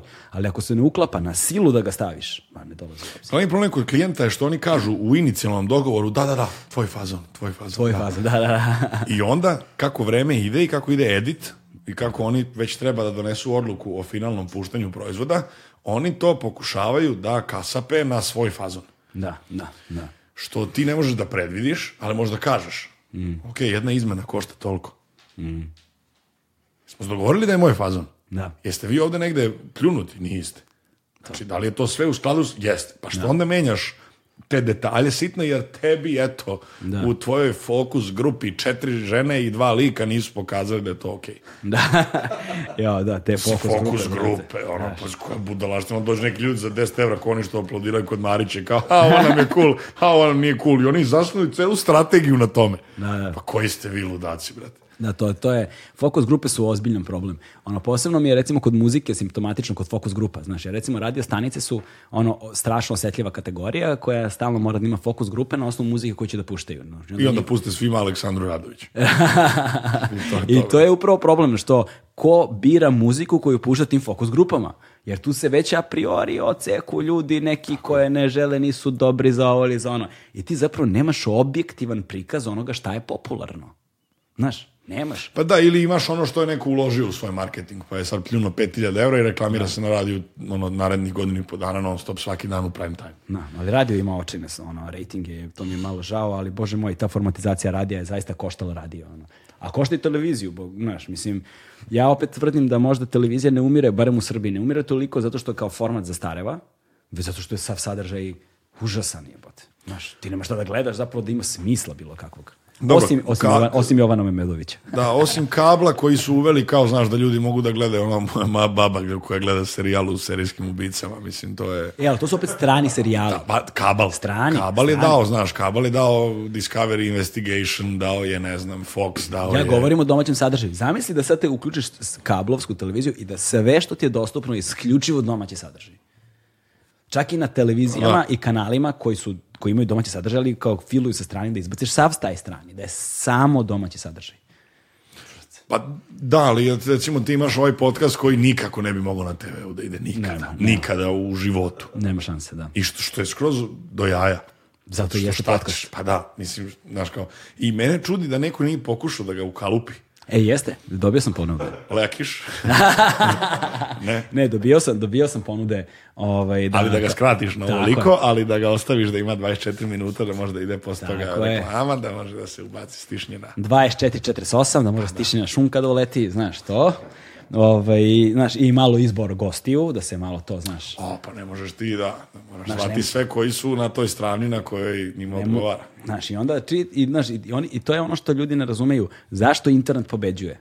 Zato što nema to. A nema, nema. Zato što nema to, zato što ti ne sedneš na sastanak sa nekim preko puta i da sekunde kad ti predložiš ideju, oni ti govore šta sve nije u redu s tvojim idejom. Znaš, i to je, Znaš, ja se sećam kad sam, ja sam zapravo želao da pokrenem podcast davno, znaš, baš davno, kad sam se ja zaljubio u podcaste neke 2014. godine, ovaj, sam ja želao da pokrenem podcast, ali sam ja uvek radio za neki tradicionalni mediji gde sam ono bio zaštitno lice i onda sam ugovornom obavezom nisam mogao da radim nešto svoje. I ovaj, to je jedan od razloga zašto sam dao otkaz na posljednjem radnom mestu. Što je isto tek nebuloza Da, svoje. to, da ne, ne pričamo, zašto ja ne zarađujem te pare da možeš da budeš Tako je, ti ekskluzivu si ne plati, si ne... Da, to je. I, ove, ovaj, i, i, i sedim i pričam i sećam se da je to bilo kao ja kažem, e, ja bih radio ovo, pa sad mi tu da idemo, pa naš. Koliko bi, ta, moja prvobitna ideja bila da to bude late night. Znaš, da počne posle ponoći i da guramo do pet ujutru. A da ono bude tu sve, znaš, od noćne more do ne znam čega. Nije važno, da bude i pametno i ludo i sve. I onda su, onda su ljudi bili u fazonu, ko će bre tebe da sluša pričaš bre ili bilo koga sedi priča dva sata, ko će bre slušati te gluposti? I evo, gde smo sada, podcast najbrže rastuća medijska platforma na svetu. Znaš. Da će Bog još više. e da si mi ti živi, zdrav, ajde. ajde. Preživali, brate. Mm. Bome. Na koliko smo? Pet i po sati smo pričali. Ne znam, brate, koliko smo pričali, nego sad razmišljamo, obrnuli smo sve rakije. Dobro. A, koja nam se najviše svidala? Meni je druga bila dobra. U, to je ova. Da.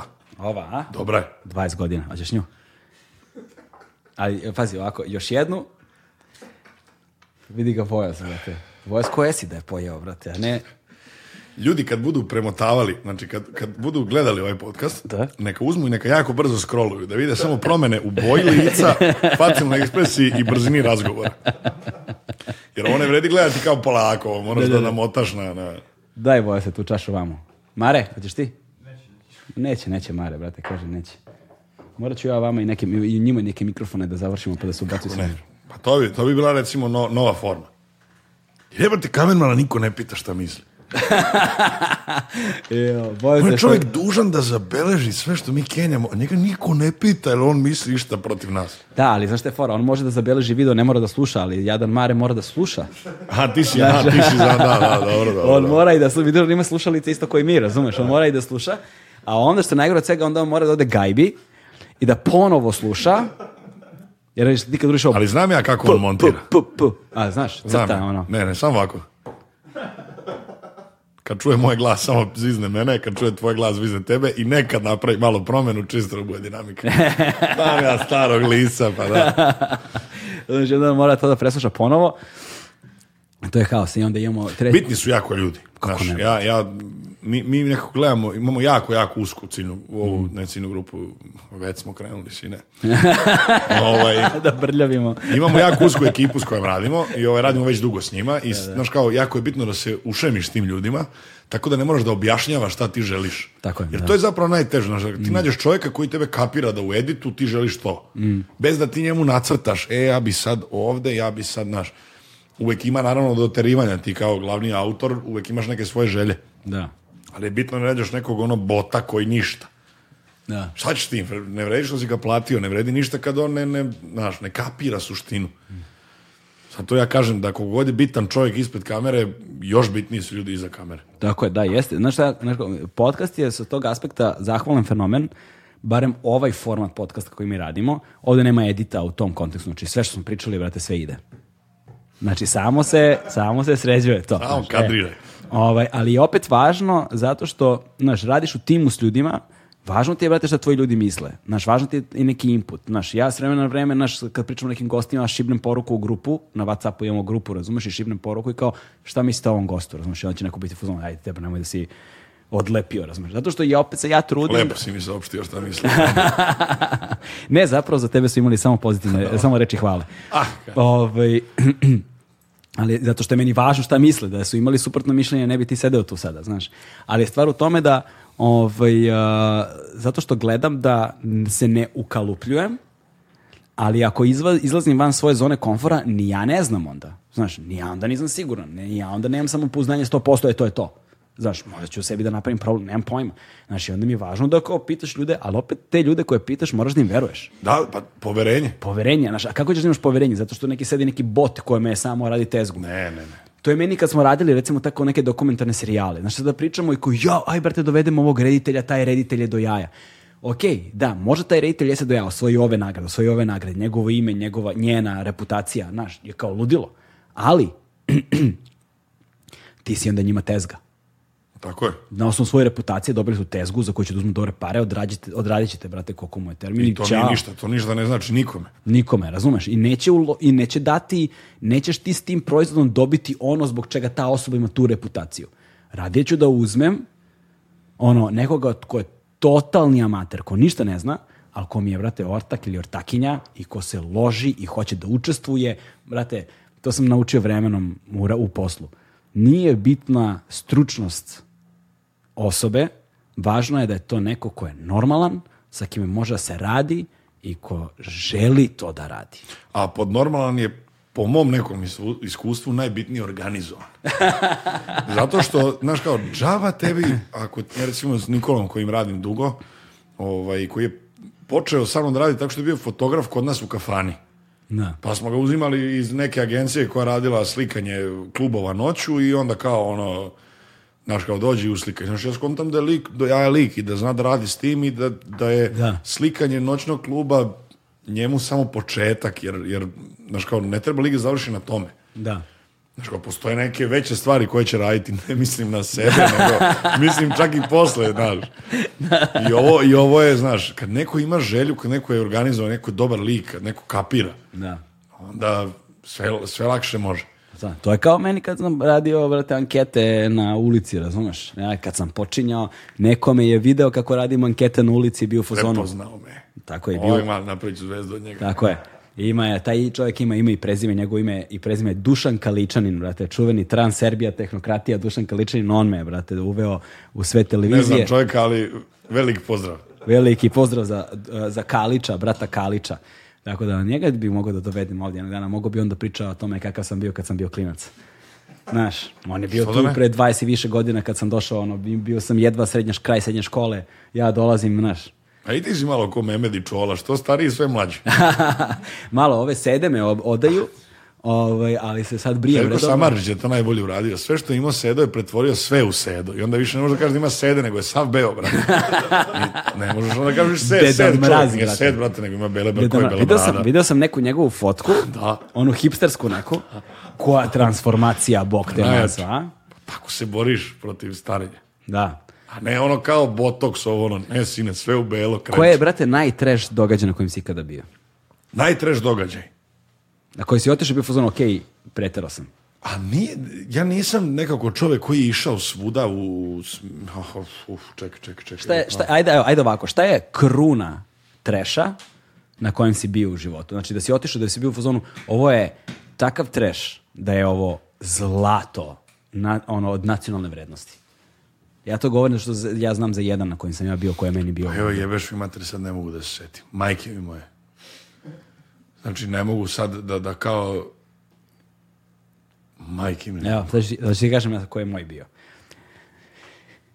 E, početak rada moj na toj maloj televiziji na Metropolisu 2001. godine. Moja prva godina, mislim da je to bila. Znači, to kraj 2000, početak 2001. Tako nešto je to bilo. Znači, kraj 2000. početak 2001. Nisam siguran, ali mislim da, ali to je opet neko leto. Sad da li je to bilo leto 2000. i leto 2001. Nisam baš siguran ja se upoznajem uh, u prolazu u redakciji sa likom koji zove Petar Ilić, poznati kao Čiki.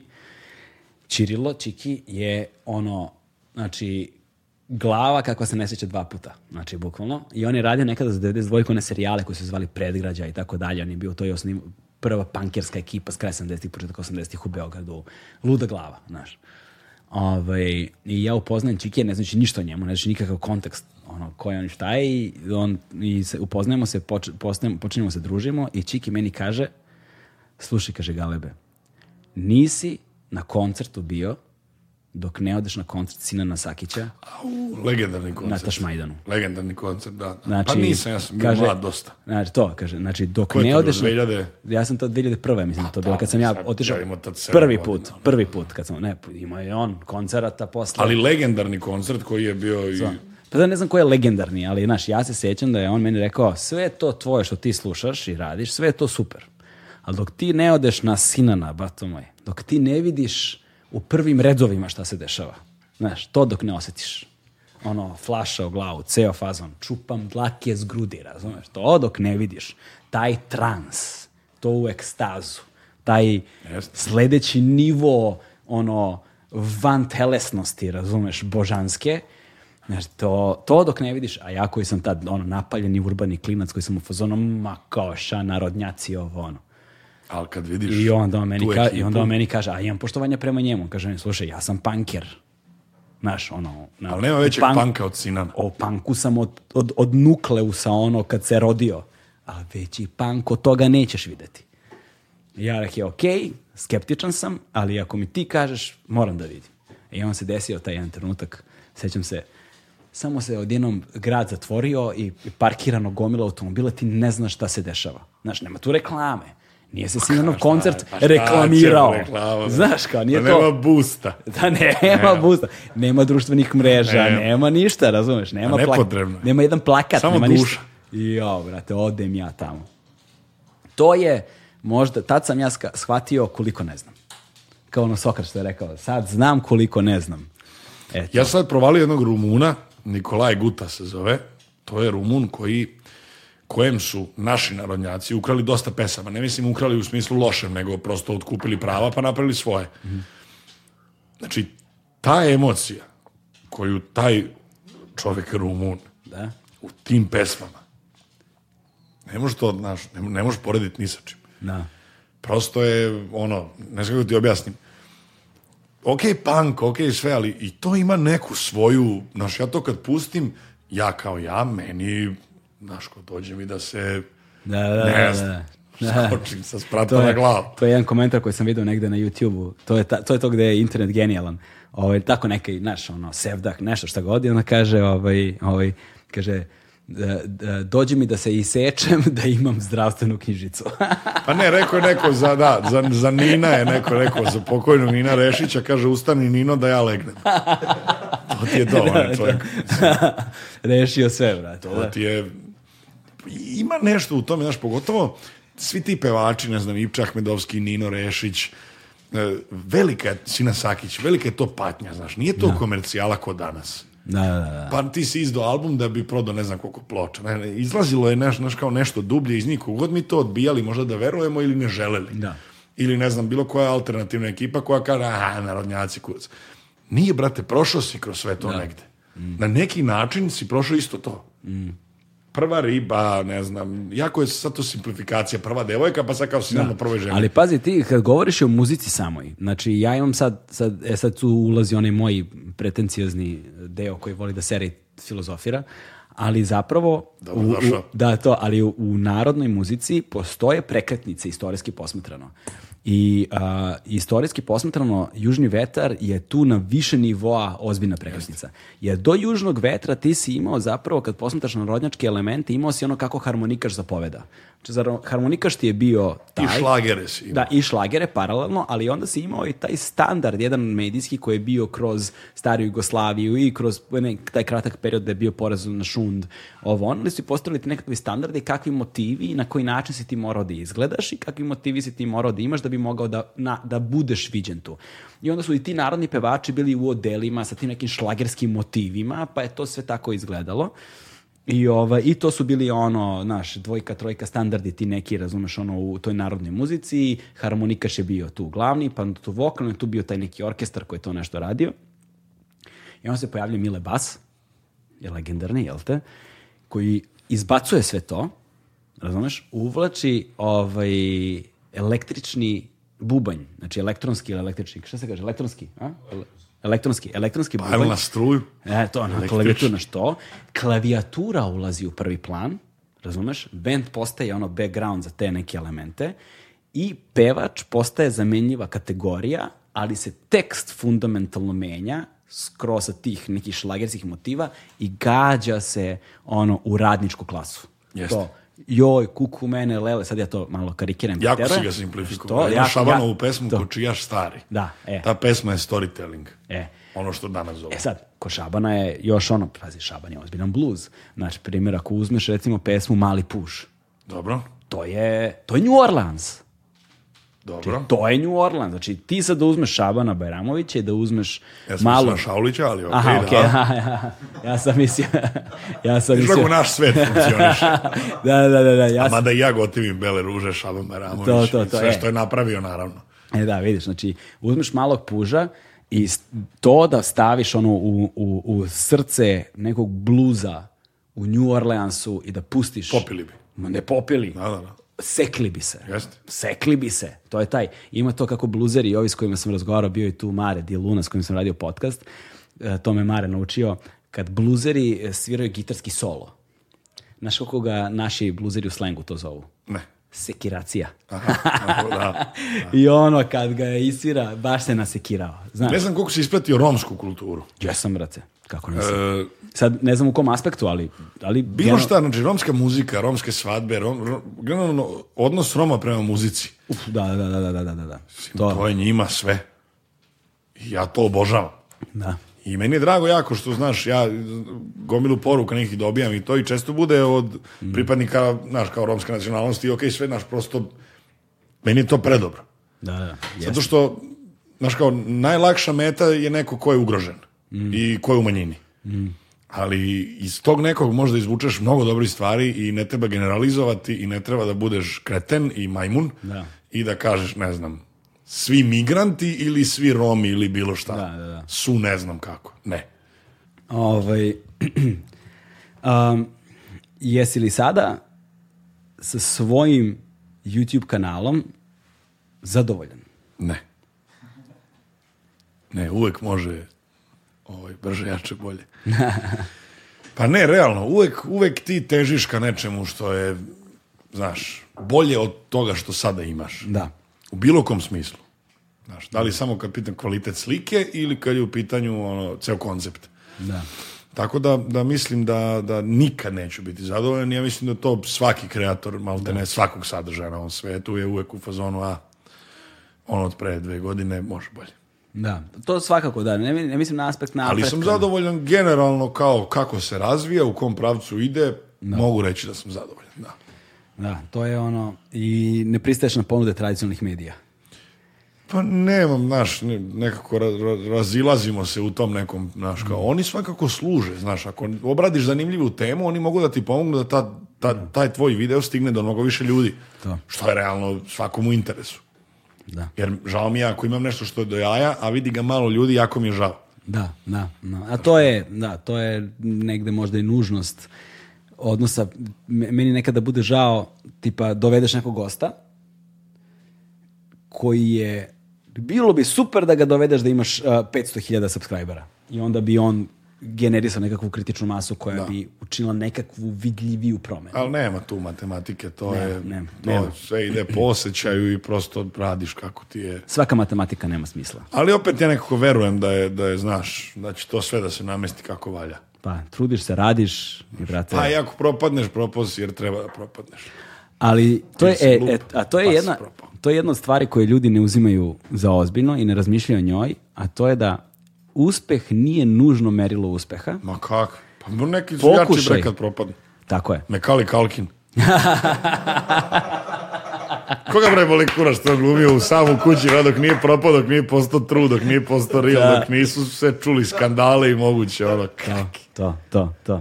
Ovaj, um, znaš, sutra da neko dođe na tvoj grob i da bude u fazonu... Nemoj sutra. Da, ne sutra baš, ali to, znaš, jednoga dana da si celoga života pokušavao, šta god, i da nisi uspeo, niko neće doći i reći vidi budalo, nego će doći i biti u fuzonu tebra svaka mu čast. Da. Umro je pokušavajući. Znaš, to je vrlina.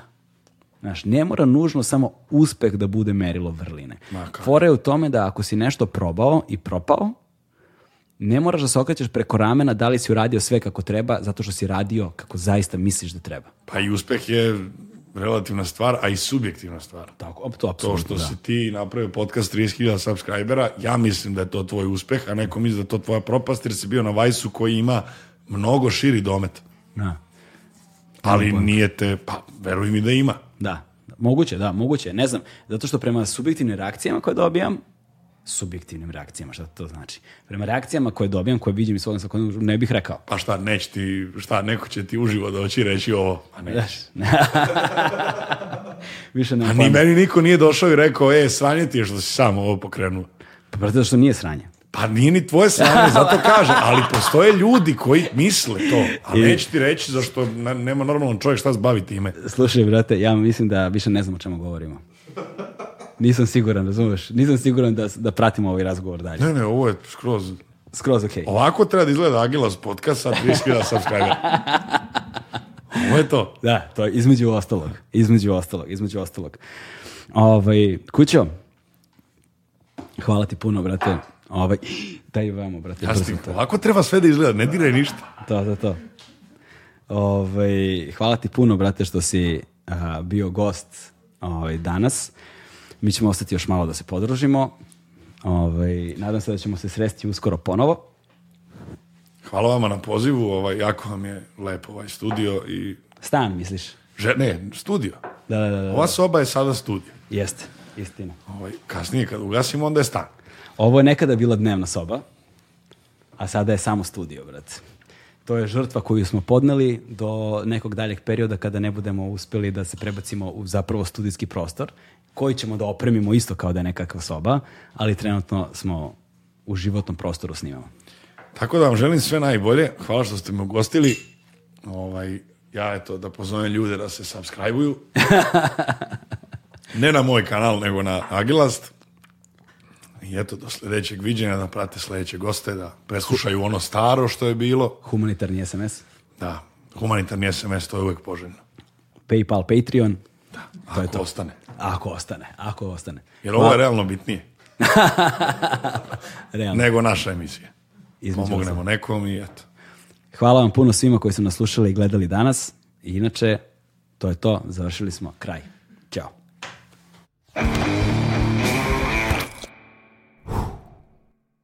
Hmm.